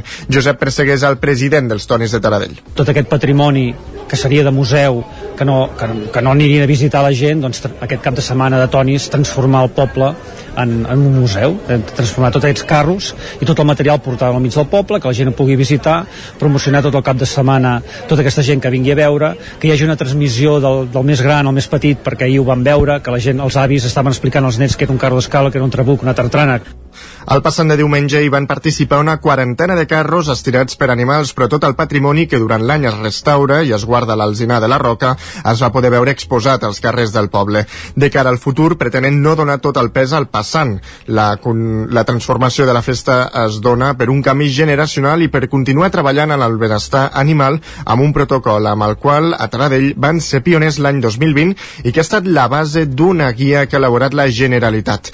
Elisenda Guillaumes és la directora general d'Agricultura i Ramaderia de la Generalitat perquè realment la sensibilitat de la ciutadania no ha demostrat que hi ha aquesta preocupació. Per tant, el que fem és un acte de transparència, passar llista de totes les coses que s'han de tenir en compte perquè la festa transcorri doncs, eh, correctament i no tinguem doncs, cap eh, percans eh, a nivell sobretot per garantir també la seguretat de les persones i el benestar dels animals i precisament aquesta setmana des del departament hem presentat aquesta guia d'actuació perquè la gent coneixi, perquè molta gent no ho sap, que ja hi ha uns protocols al darrere així doncs, Taradell es va convertir en un museu a cel obert de carros i carretes de tots els tipus. S'obria així la temporada dels tonis a la comarca. Gràcies, Sergi. Més qüestions. Torna al Festival Tastautors de Cardedeu en la seva vintena edició amb Alba Careta i, i el productor Enrio de protagonistes. Enric Rubio, Ràdio Televisió Cardedeu. Així és, Isaac, que han estat aquests dos artistes els que han creat Udols, una recopilació de cançons de bressol, principalment a les comarques gironines. Es tracta del tercer treball discogràfic de la col·lecció Cantut, un, arxiu, un arxiu online amb més de 1.700 cançons. A partir d'ell surt la proposta. En principi no tenia per què veure les cançons de Bressol, però sí que ens vam guiar molt amb un projecte que vam fer, a més a més, de Cantem i Cassem cançons a les escoles de Cassà, on preguntaven als nens quines cançons els cantaven els seus avis per anar a dormir. L'acte ha començat a les 7 del vespre, on s'ha pogut veure en directe el podcast itinerant Tinc una cadira, conduït per Joan Gené. I a dos quarts de nou del vespre, l'Alba i l'Enrio han fet un concert per interpretar les cançons d'Udols. Una de les coses que diem sempre és que hi ha cançons que només s'ha gravat una iaia d'un petit poble de Girona que ha cantat aquesta cançó i diem és que si no s'hagués gravat en aquest moment mai s'hagués sabut aquesta cançó mai més. Aquest projecte pretén recuperar les cançons utilitzades en els moments més tendres de la criança i d'alguna manera immortalitzar-les per tal que no es perdin en el pas del temps. El significat del que fem té molt a veure amb mantenir viu la, la història de les cançons de Catalunya, les melodies antigues que no estan registrades en lloc Udols, amb l'origen a les paraules dolç i udols, no ha nascut només i exclusivament pels nens i nenes, sinó que, com ells mateixos diuen, ho ha fet per totes les famílies i per tothom que vulgui transportar-se en el món de la nit, dels sons i dels somnis. Gràcies, Enric. I un últim apunt esportiu per posar-nos al dia del Dakar, on Nani Roma, després d'una bona primera setmana, deia adeu a les posicions de tancar bé la competició, Sergi. Un problema mecànic el va obligar a retirar-se al tram inicial de l'etapa que havia començat a la dotzena posició de la general. El de Folgueroles ha decidit seguir el raid per continuar fent quilòmetres, però ja sense cap opció. Acumula 46 hores de penalització i ara ocupa el lloc 98 a la general. A la mateixa classificació global, Laia Sanz Sanz manté la quinzena posició després de l'etapa d'aquest dilluns entre el Duadimi i el Hail. A la categoria CCB, Gerard Farrés va acabar ahir tercer i és vuitè a la classificació d'aquesta categoria. Marc Solà, com a copilot de Ricardo Ramilo, ocupa l'11è lloc i Joan Font el 20è. I a la categoria Challenger, Pedro Peñate i Rosa Romero són dotzens després del 17è lloc d'aquest dilluns. Gràcies, Sergi. Acabem aquí aquest repàs informatiu que començàvem al punt de les 10 en companyia de Sergi Vives, Enric Rubio, Isaac Montades i Roger Roger Rams. Moment al territori 17 de saludar de nou en Pep Acosta.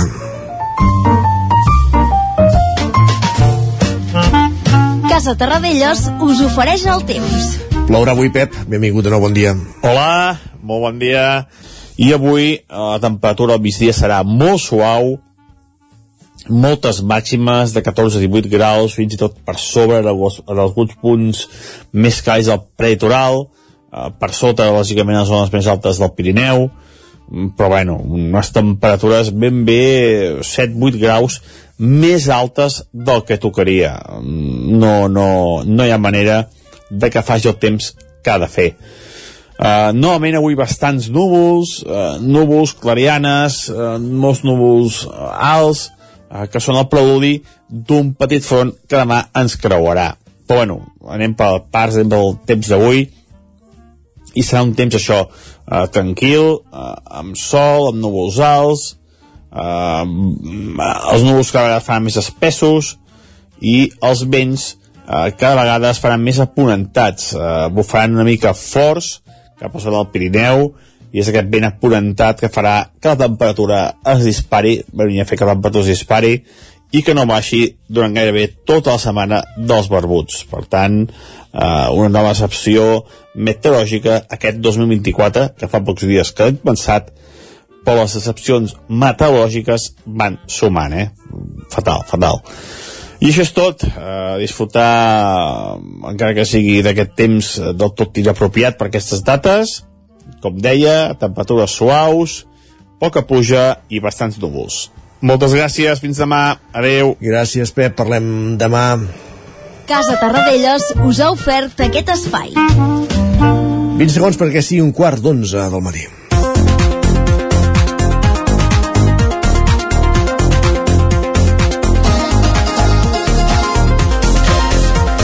I aquesta hora al territori 17, els dimarts és temps per l'economia, en companyia d'en Joan Carles Arredondo, el cap d'Economia del 9-9 del Vallès Oriental.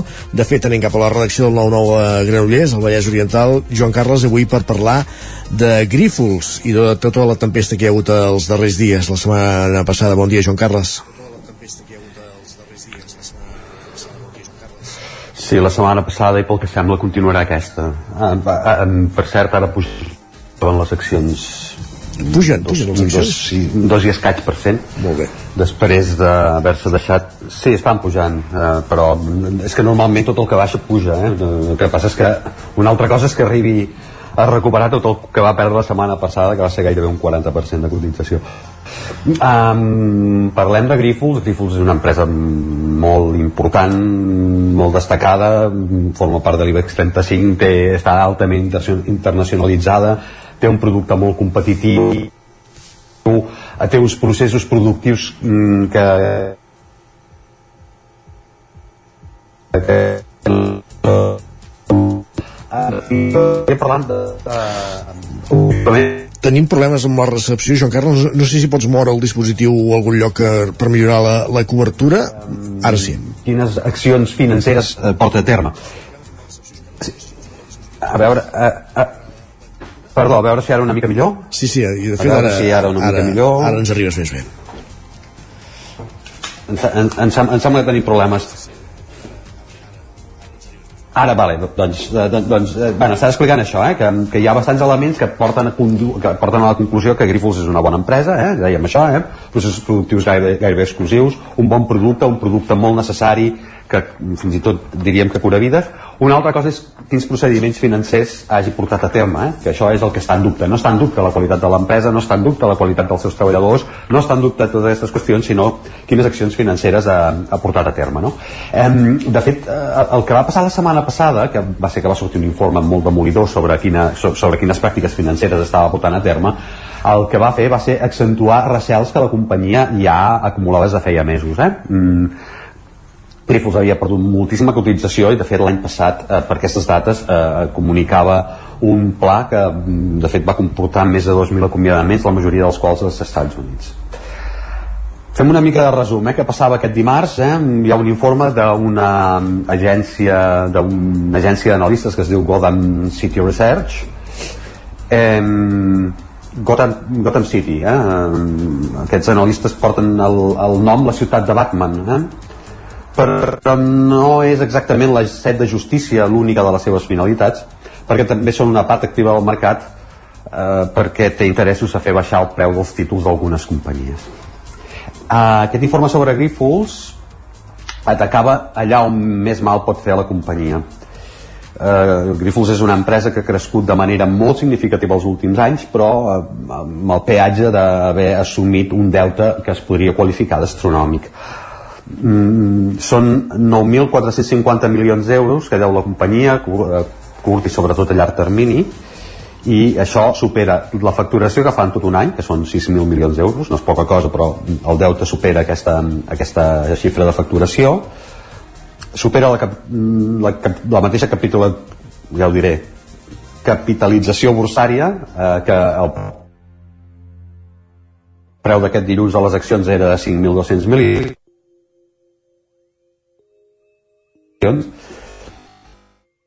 beneficis operatius que va obtenir l'any passat.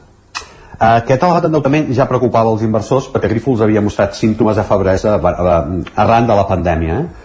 Els confinaments havien limitat l'accés al que és la seva primera matèria fonamental, que és, de fet, la sang de donants que remunerats i a través de mm, complexos processos l'empresa converteix en, en plasma per després fer teràpies per pacients amb malalties, com, com dèiem abans, eh, que en molts casos són d'extrema gravetat. Els donants eh, no podien anar als centres de recollida, l'empresa per tant va veure limitat el plasma per elaborar els seus productes i sense productes les vendes es van acabar ressentint. Hi havia menys vendes, però el mateix endeutament, o fins i tot més, perquè entretant Grifols havia afrontat una adquisició complexa, la de l'empresa alemanya Biotest, que li permetia accedir a aquesta primera matèria però amb un cost de 1.400 milions d'euros que és el que, en, en el preu en el qual es va xifrar aquesta operació. Molt resumidament, l'informe de Godam eh, porta, posa en dubte la comptabilitat de Grífols per dos aspectes. Per una banda, perquè, perquè infla els beneficis, i per l'altra, perquè minimitza els deutes. I en tots els aspectes hi ha un vehicle, una societat anomenada Scantron, amb domicili als Països Baixos, però que té participació de la família Grífols i antics directius de la companyia. Aquesta és una societat patrimonial que és accionista de, de, de Grífols, té un, té un 8% de les accions, i també de diverses societats. Eh? Escantron és, per, per exemple, propietari del Joventut de Badalona, de, de l'elaborador de Cava Jové Camps, de companyies immobiliàries, entre moltes altres. Uh, Grifols havia comprat el 2018 dues companyies, es diuen HM i BPC Plasma, i al cap de poc temps les va vendre a Scantron, eh, aquest, aquesta empresa patrimonial.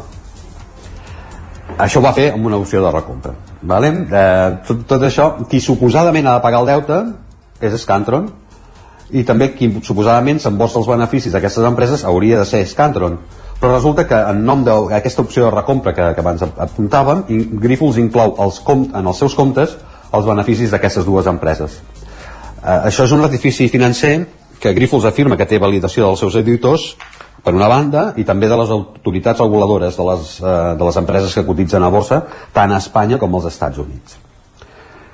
Eh, és cert que alguns analistes i alguns no precisament afins a, a Grifols com Bank Inter, Bank Inter ha sigut molt contundent en aquests, aquests dies amb, amb Grifols assenyalen que Godam no està dient exactament res que no se sabés el que sí que va fer aquesta casa d'anàlisis va ser assenyalar que a la vista de la informació el valor de Grifols a borsa és zero això aquí era un pas que cap analista s'havia atrevit a fer eh? no és difícil imaginar que un inversor amoïnat pel deute de Grífols i sobretot per la capacitat que pugui tenir l'empresa per retornar aquest, de, aquest deute eh, corregués a vendre les accions que el dilluns cotitzaven a 14 i el dilluns era el dia abans de la bomba que va llançar Goda eh, abans que diguem, cotitzaven a, a 14 euros. El, i, en, en, aquell, en aquella jornada les accions van perdre un 26% Uh, només una demostració de fermesa de, de l'empresa quan va comunicar que emprendria accions legals contra Gotham, que per cert ara mateix ja, ja avui surten informacions que ja estan en marxa, va donar un efímer respir dimecres, però dijous les explicacions que va fer l'empresa davant d'analistes en què no va aportar gaire res nou i només va destacar una negació, va dir que Scantron no és un family office, un family office és una societat de gestió de patrimonis familiars. Doncs deia això, eh, que no és un family office de, de Grífols, Mm, eh, dels, dels Grífols, perdó, aquestes explicacions no van convèncer i les va haver-hi davallades importants tant dijous com divendres. Um, Grífols va perdre un 40% de capitalització, com dèiem al principi, això són gairebé 3.000 milions d'euros que es van sumar en una setmana que era per, un valor, per el valor de la farmacèutica catalana. És necessari incidir en la intencionalitat de Gotham, d'aquest equip, d'aquest equip d'analistes en penja un vehicle inversor que es dedica a les operacions baixistes. No està de més insistir en que és una operació baixista, eh? Els grans grups inversors tenen un contingent d'accions que cedeixen a, a tercers, aquests, els operadors baixistes, a canvi d'una comissió. És com si posessin les accions a lloguer. Eh, aquests operadors venen les accions llogades al preu del dia i el que esperen és que, en comptes que la cotització pugi, que baixi, per després poder-les comprar. Eh, I embutxacar-se aquesta diferència entre, entre el, que va, el que va fer quan les va vendre, entre el que va treure quan, quan en va vendre i el que quan, quan les va posar a la venda i el que n'extreu quan compra.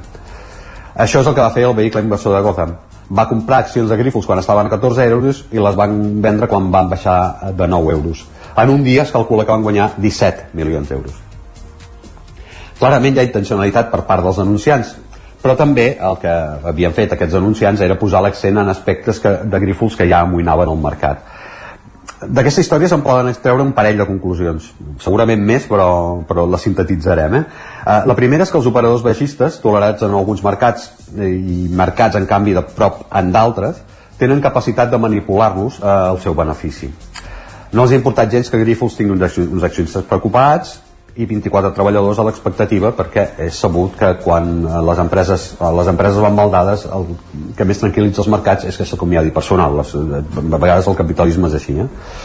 si cal o no prohibir les operacions baixistes això és un debat molt antic i diguem que tampoc eh, estem en el lloc on entrar-hi la segona conclusió és la necessitat que les empreses, les cotitzades per descomptat, per, però, però també les que estan fora del parquet, facin un exercici de, trans de transparència. Grifols és una empresa que fabrica, el que dèiem, eh, amb qualitat, un producte essencial, que investiga per trobar noves aplicacions que curin més malalties, però precisament per això no pot posar en risc els seus, els seus tractaments dels quals depenen persones amb malalties sovint greus per un joc d'artificis comptables. Eh, ni tampoc posar en risc aquests milers de llocs de treball. Eh, el primer pas és aclarir els dubtes i el segon, deixar de la temptació de l'enginyeria financera. L'enginyeria eh, és una eina excel·lent per fer ponts, però mm, diguem-ne que no té, té poc a veure amb el que podríem dir una comptabilitat responsable per tant, menys enginyeria i més bona comptabilitat.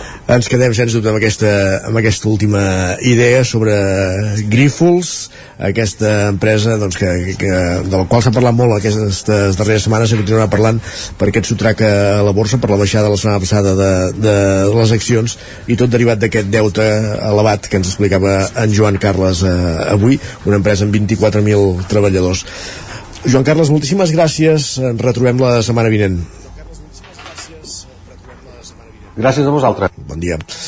Acabem aquí aquest espai dedicat a l'economia al territori 17, avui, com dèiem, centrat en, en Grífols, però nosaltres que avancem tot seguit farem una petita pausa com cada matí a aquesta hora i després reprenem el programa a la recta final fixant-nos primer en què diu Twitter amb les pilades més destacades que ha trobat en Guillem Sánchez a la xarxa social X, abans anomenada Twitter i acabarem el programa amb el podcast El racó de pensar, el podcast que ens acosta cada setmana la Maria López des de Ràdio Televisió Cardedeu i avui eh, amb un retrat del porno. Així és com titula aquest podcast a partir d'unes dades d'Intermón Exfam que la Maria López ens portarà a l'antena avui eh, en aquest podcast, el racó de pensar, com dèiem, retrat del porno.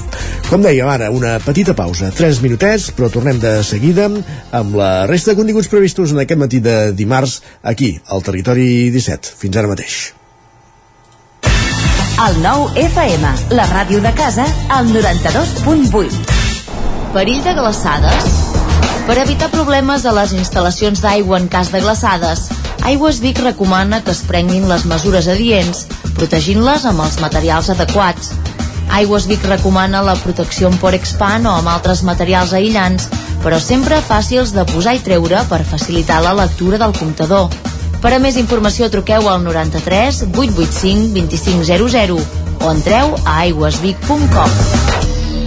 Menja ràpid, menja fàcil, el trinxat de les Cerdanyes diu Carlit. Mmm, boníssim! Trinxat Carlit, 100% natural, fet cada dia a Puigcerdà i a punt en un minut. Encara et preguntes com t'ho faràs perquè els nens mengin verdura? El trinxat de les Cerdanyes diu Carlit.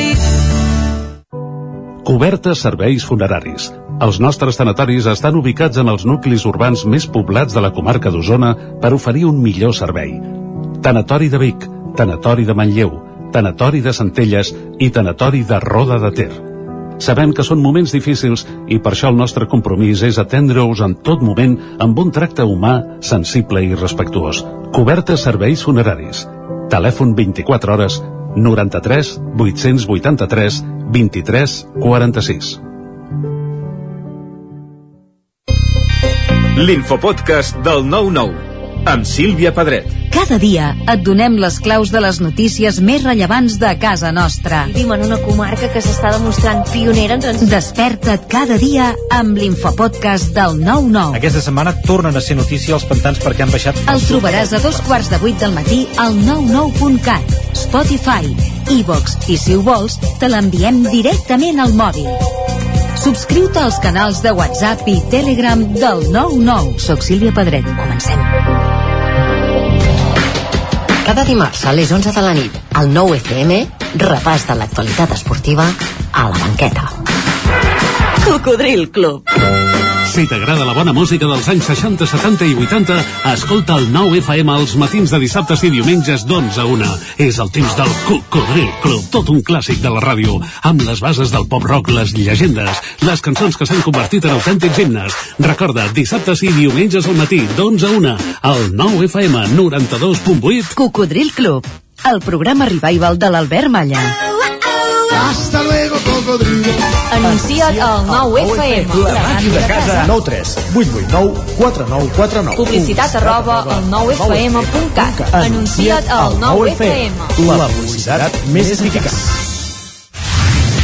El 9FM, el 9FM, el 9FM, el 9FM. En punt ara mateix, dos quarts d'onze al territori 17.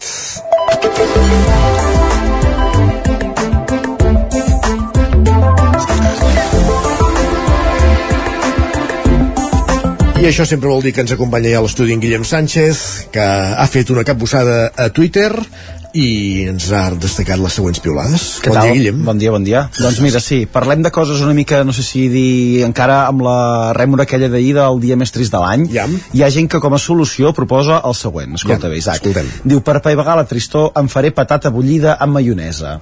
Patata bullida amb maionesa. Jo ja et dic que no sé si és la millor solució que podria trobar per combatre moments de... amb això, eh? He si, si ell amb això en té prou, endavant, les atxes. Jo per això millor trobo la solució d'en d'en Ton que ens proposa una altra cosa. Ens diu, podria viure a base de pa amb tomàquet i fuet. Jo aquesta sí que la, sí que la compromès. Jo també la compro. Una mica de carn i d'embotit sempre, sempre es posa bé. En Raül, a més, després de fer un gran estudi, presenta la següent conclusió arran d'aquest aliment. Ens diu, jo crec que el fuet és possiblement l'únic aliment que entra bé a totes hores i en tots els estats. Carai. A partir d'aquí ja posi l'estat que tu, que tu vulguis. Sempre i quan t'agradi el fuet, clar. Evident, evidentment, o que no siguis vege vegetarià o, alguna cosa així. Va, i no deixem de parlar de menjar perquè aquesta pregunta que ens fan és una de les grans preguntes de la humanitat. Ja. Ens demanen, quan es pot tornar a menjar bé després que et treguin un queixal? No sabria respondre. Hi ha gent que ha respost fins a 6 dies, home, jo crec, que- jo crec que tam- tampoc cal, cal arribar a aquests, aquests marges i aquests extrems. Potser posa-hi què, un dia, un dia i mig o dos dies. Poder sí. Després dels sucs i aquestes coses ja ja pots començar a menjar fuet una altra, una altra vegada. Però la sensibilitat va per barris, eh, Sánchez? també, Això també s'ha de dir. També de dir. I en menjar, de ben segur que fas enamorar a la gent. Aviam. Isaac, va, llegim el missatge que ens ha deixat la Cristina. Cristina, ens diu, he conegut un noi que m'ha fet un tàper per portar la feina a la tercera cita. S'ha comprat un assecador perquè em pugui quedar a dormir més, més nits a casa seva i m'ha costat, atenció, les ulleres de la feina amb uns bombons de regal. Jo ja no em conformo amb menys. Carai, tu. Que és maco l'amor, Preciós. que és maco quan dues persones coincideixen a la vida d'aquesta manera. Ara està clar que en aquesta vida hi ha nivells i nivells també a l'hora de cites romàntiques i de menjar. Si no estigueu ben atents, el següent missatge. Ens escriuen, el meu nivell culinari romàntic implica prometre unes empanades fetes per mi per després comprar-les congelades, descuidar-me-les i quedar-nos sense sopar. Fantàstic. Fantàstic. En aquesta vida no hi ha res com que tot et surti perfecte. La qüestió és que si la cosa acaba bé, mira, mal. és igual. Suposo que devien sopar, eh? Suposo que devien Espero que sopar sí. els dos. Va, i un consell de l'Eric que sempre està bé de tenir en compte. Diu, a certa edat hi ha una fina línia que no es pot travessar. Diu, les celebracions s'han de fer no per sopar, sinó a l'hora de dinar i amb una extensa sobretaula. Si sopes amb els teus col·legues, has caigut al parany. Allargaràs la nit més del compte i perdràs l'endemà. Sempre dinar. Recoll. I que bonics que són aquests I moments. que bonics que són aquests, aquests dinars. I atenció a la hipòtesi que ens llancen avui per xarxes, Isaac, que ens diuen trobo que la relació entre tenir un cupre i ser tremendament, i jo aquí poso parèntesis, posa-hi l'adjectiu negatiu que tu vulguis, sí? també s'hauria d'estudiar. Carai. No sé si coneixes algú que tingui un cupre i que mereixi ser digne de formar part d'aquest estudi. Se dir que no. No? Segurament no? No.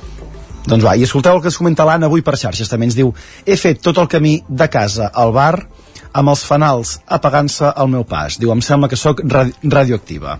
Deu ser això. Deu ser això. Va, i què li respondries a la Susana en aquesta piulada per acabar? Diu, la meva filla, mama, recordes aquells formatges que em compraves abans? Diu, avui n'han portat per esmorzar. Diu, fuà, quins records d'infància.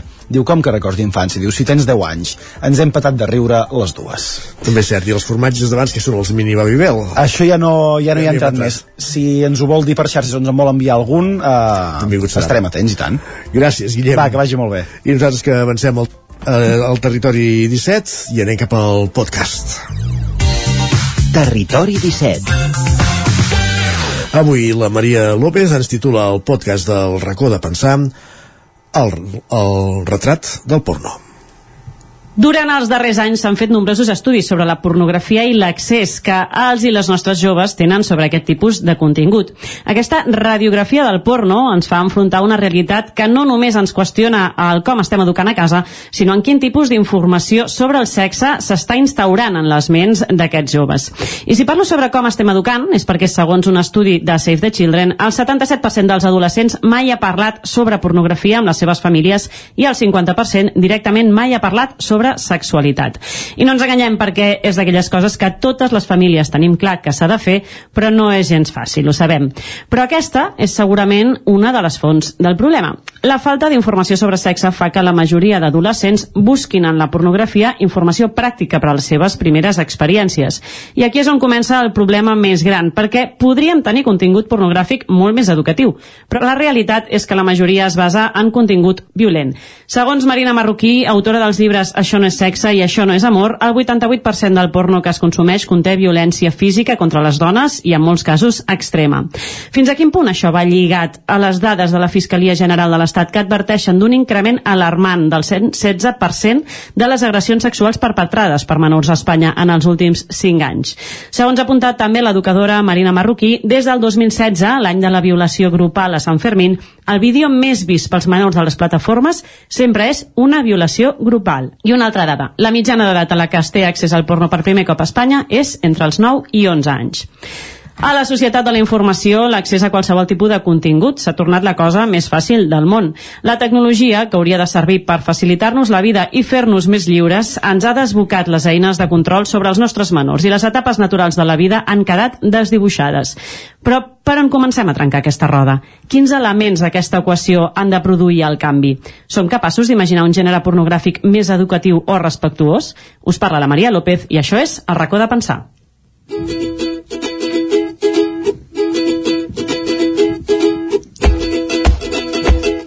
El racó de pensar, des de Ràdio Cardedeu. I per parlar de pornografia, d'accés al porno, d'educació sexual i de moltes coses més, avui ens acompanyen a l'estudi d'una banda la Yoko Elias Oncai. Ella és membre de la comissió coeduca de l'AFA Germans Corbella, és mare de tres fills i conferenciant sobre pornografia i infància. Molt bon dia, Yoko. Bon dia, Maria. I d'una altra banda ens acompanya també l'Amat Molero Borràs. Ell és educador social, membre d'Orol Urbà i d'Ulleres per Esquerrans. Des de fa anys treballa amb grups d'homes joves en matèria de noves masculinitats i és autor de la investigació Porno Poderío sobre pornografia, com el seu nom ja d'una bona gran pista. Bon dia, Amat, i gràcies per venir al racó de Bon pensar. dia.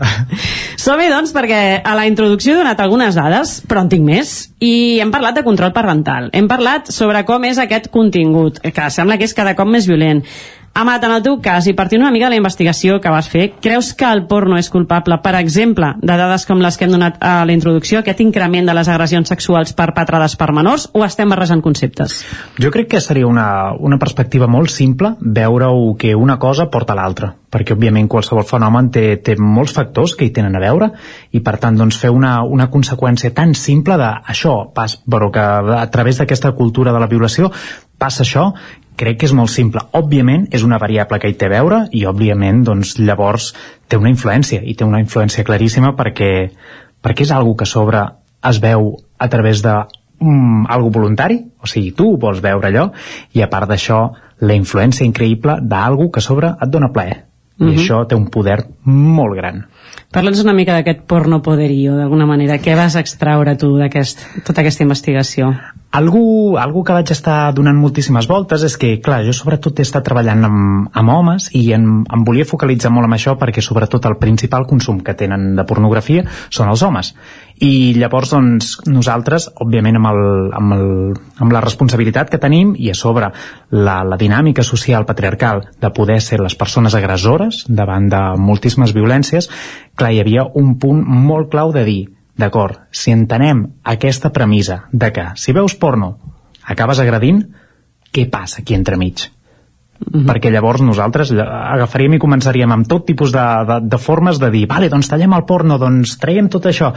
Mm, però llavors hi ha alguna molt clau que per mi era, és dir, els homes tenim agència, els homes tenim consciència, els homes tenim un potencial i per tant s'ha de crear això en el moment en què, si no, ens percebríem com a subjectes que no tenim ni raó, ni forma de, de fer, ni de pensar, ni de dir.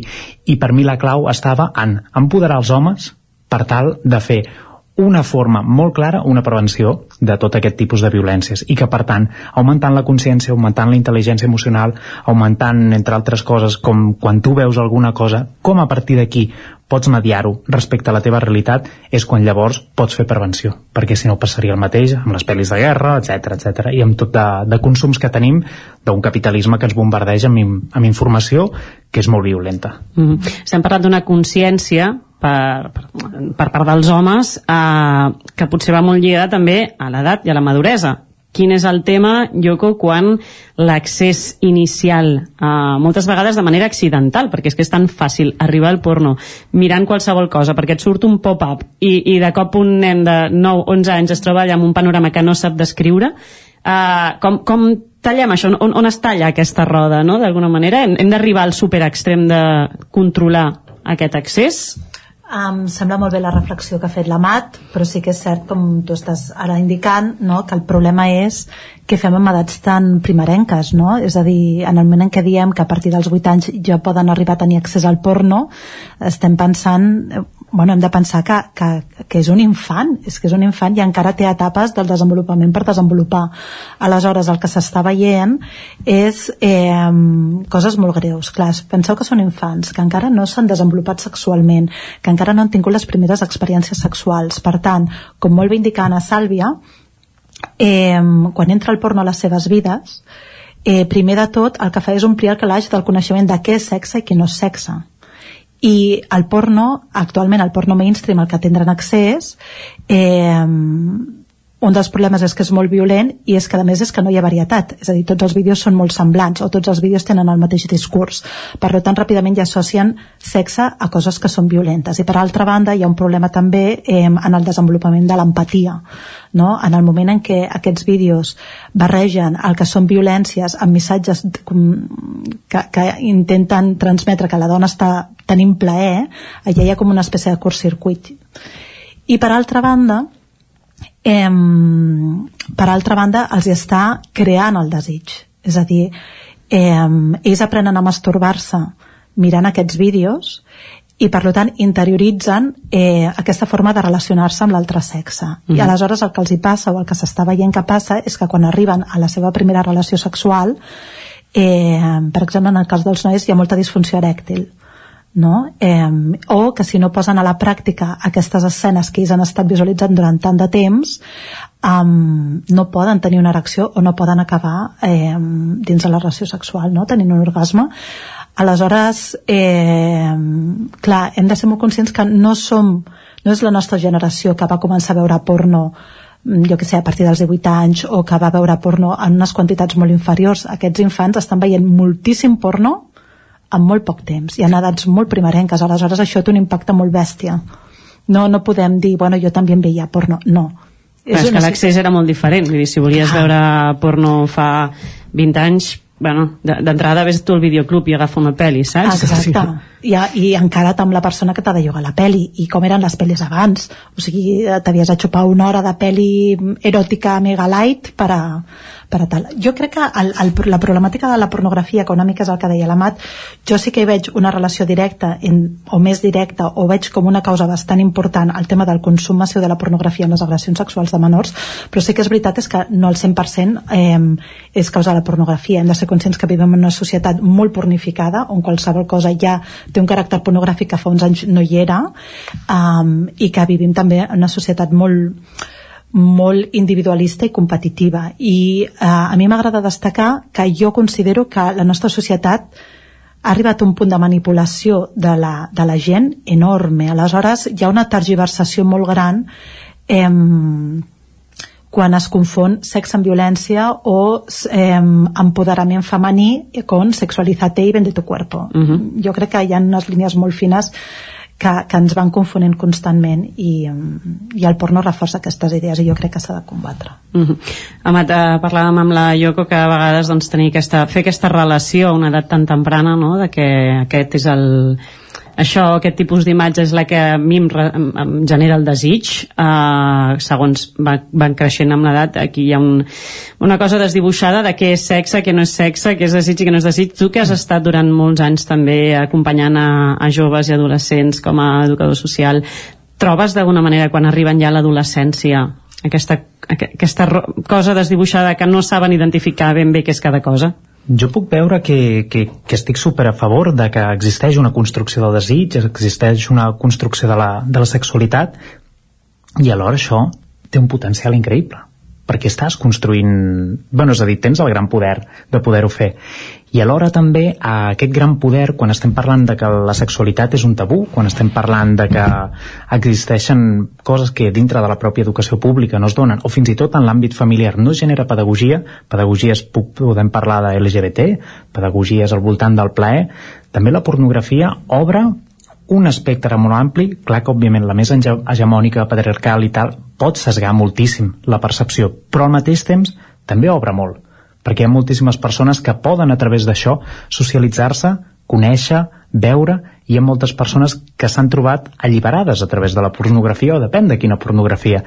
I jo crec que té una potencialitat tan claríssima que llavors doncs, la clau seria poder produir nosaltres pornografia. Això seria la rehòstia, però prement existeix aquí una, bueno, és a dir, una indústria eh, que a part de la indústria a vegades posem el focus molt en qui ho consumeix però la forma de produir-se pot ser aberrantment terrible mm -hmm. i llavors doncs, aquí tenim també un focus de problemàtica molt gran però sí que puc veure a dintre de les aules com té un impacte molt gran i aquest impacte es veu en com la gent acaba produint aquesta realitat, acaba produint aquest plaer i alhora el pitjor de tot és que crec que és molt, molt poc autònom perquè es veu aquí un deix de gènere molt gran en què la producció de, de plaer per una dona és super diferent que per un home.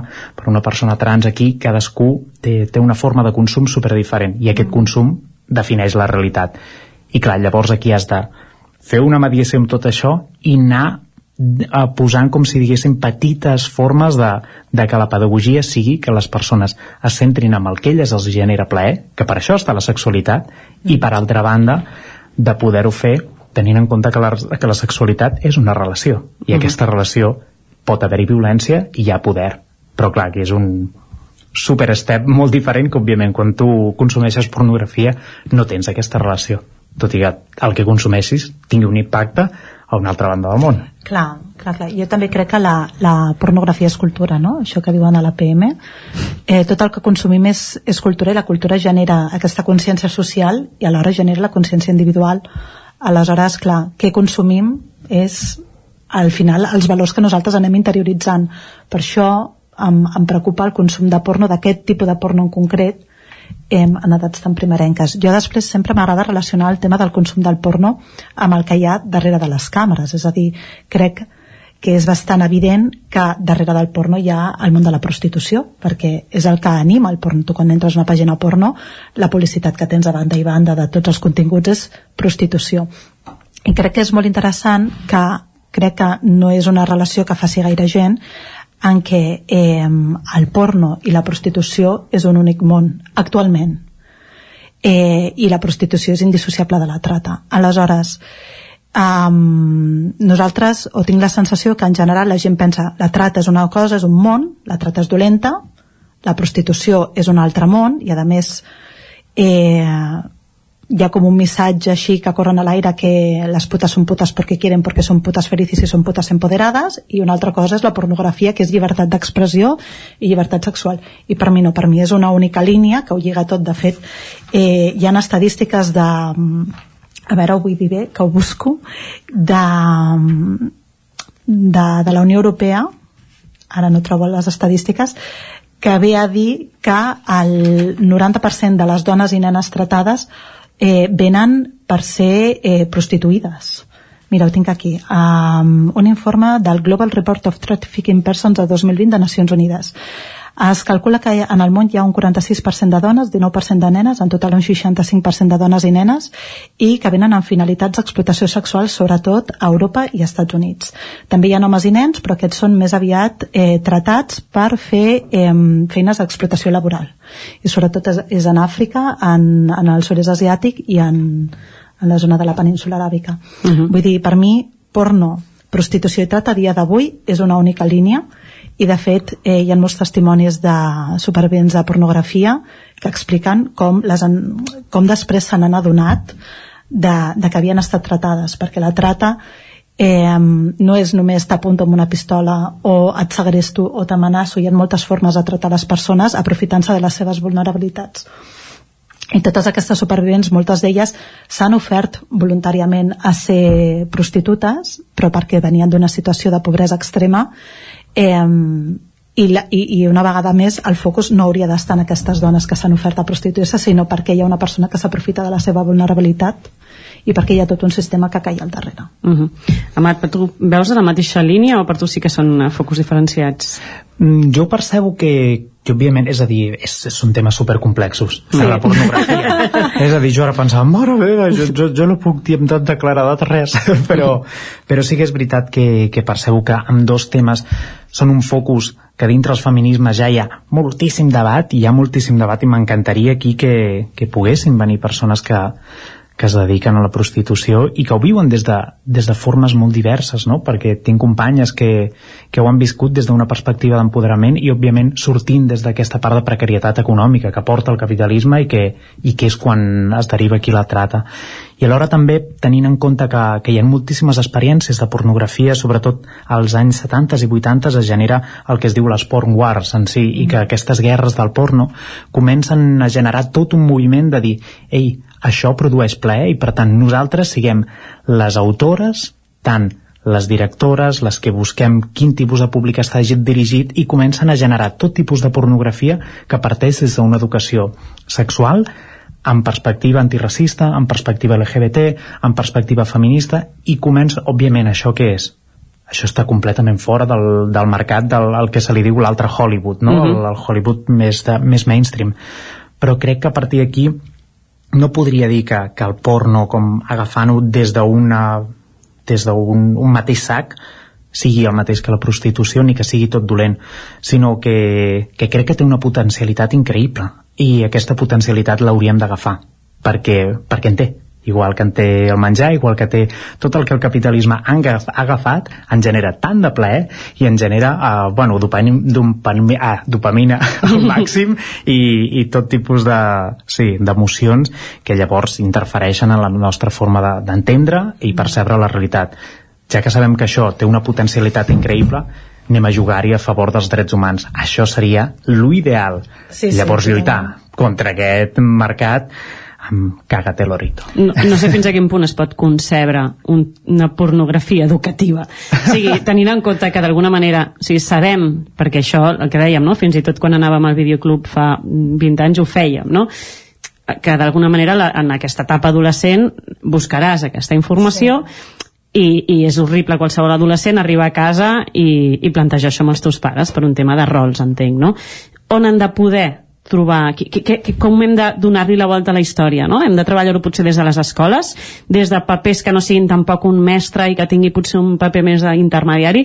Podem concebre una pornografia educativa o estarien, són, són dues coses totalment antagòniques, no? L'educació real i la pornografia. Jo opino que, per començar, òbviament cal molta pedagogia, perquè nosaltres ja venim, hem, hem de ser molt conscients de, de l'herència que tenim cultural, venim del tabú absolut, i, em, i aleshores hem passat del tabú al todo vale. Aleshores jo crec que són dos extrems que no, cap dels dos són sants. Jo eh, apostaria per educació sexoafectiva en tots els àmbits que tinguin, bueno, a nivell de societat. Uh -huh. Vull dir, els pares i mares hauríem de tenir una consciència i hauríem de fer una revisió de la nostra sexualitat, que és molt dur fer això, i a ningú li ve de gust, els mestres i inclús els casals de joves, òbviament se'ls ha d'obrir eh, les portes eh, perquè tinguin espais on puguin parlar d'això obertament i, i òbviament els infants també. Mm.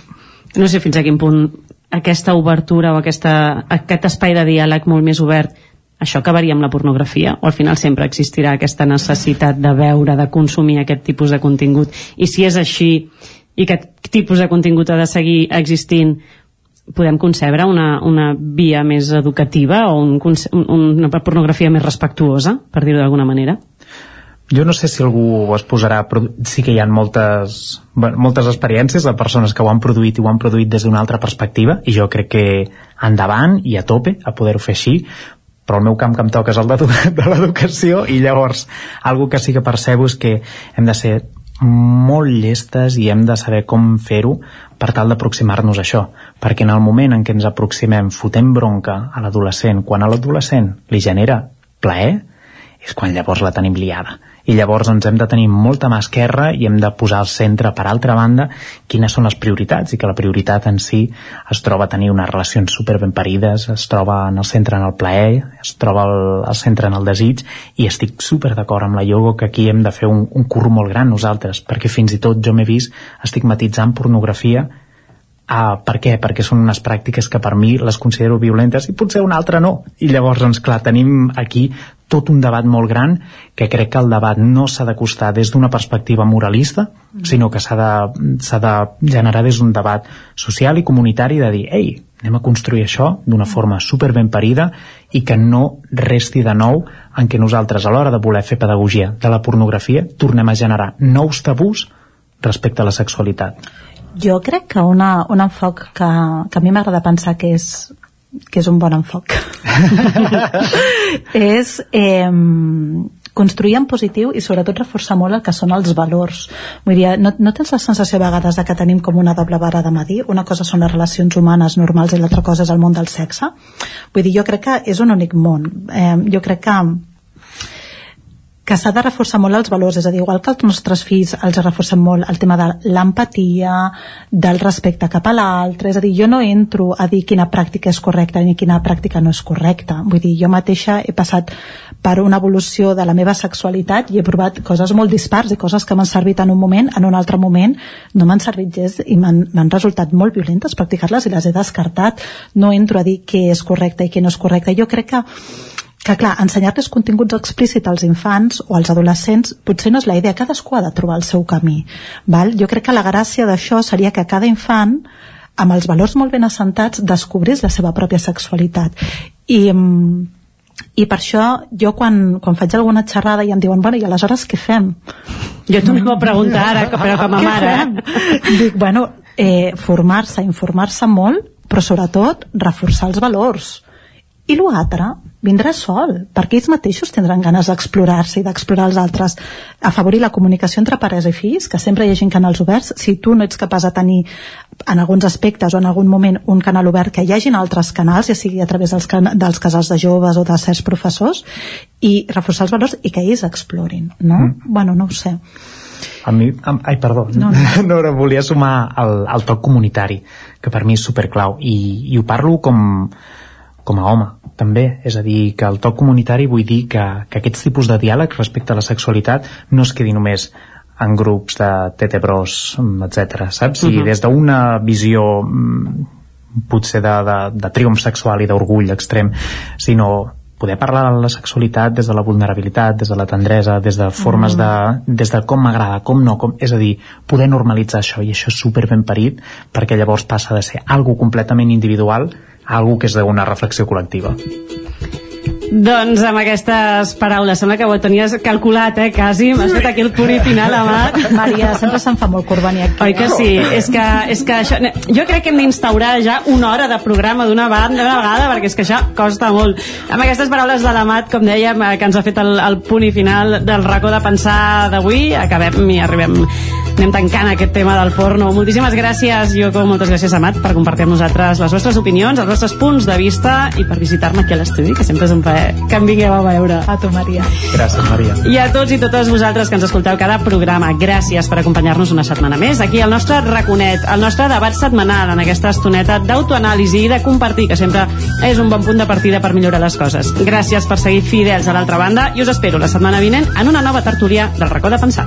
Gràcies, Maria. Ens retrobem dimarts vinent, com bé deies, i el Territori 17 hi torna demà a partir de les 9. Fins aleshores, gràcies per ser-hi. Molt bon dimarts. Adéu-siau.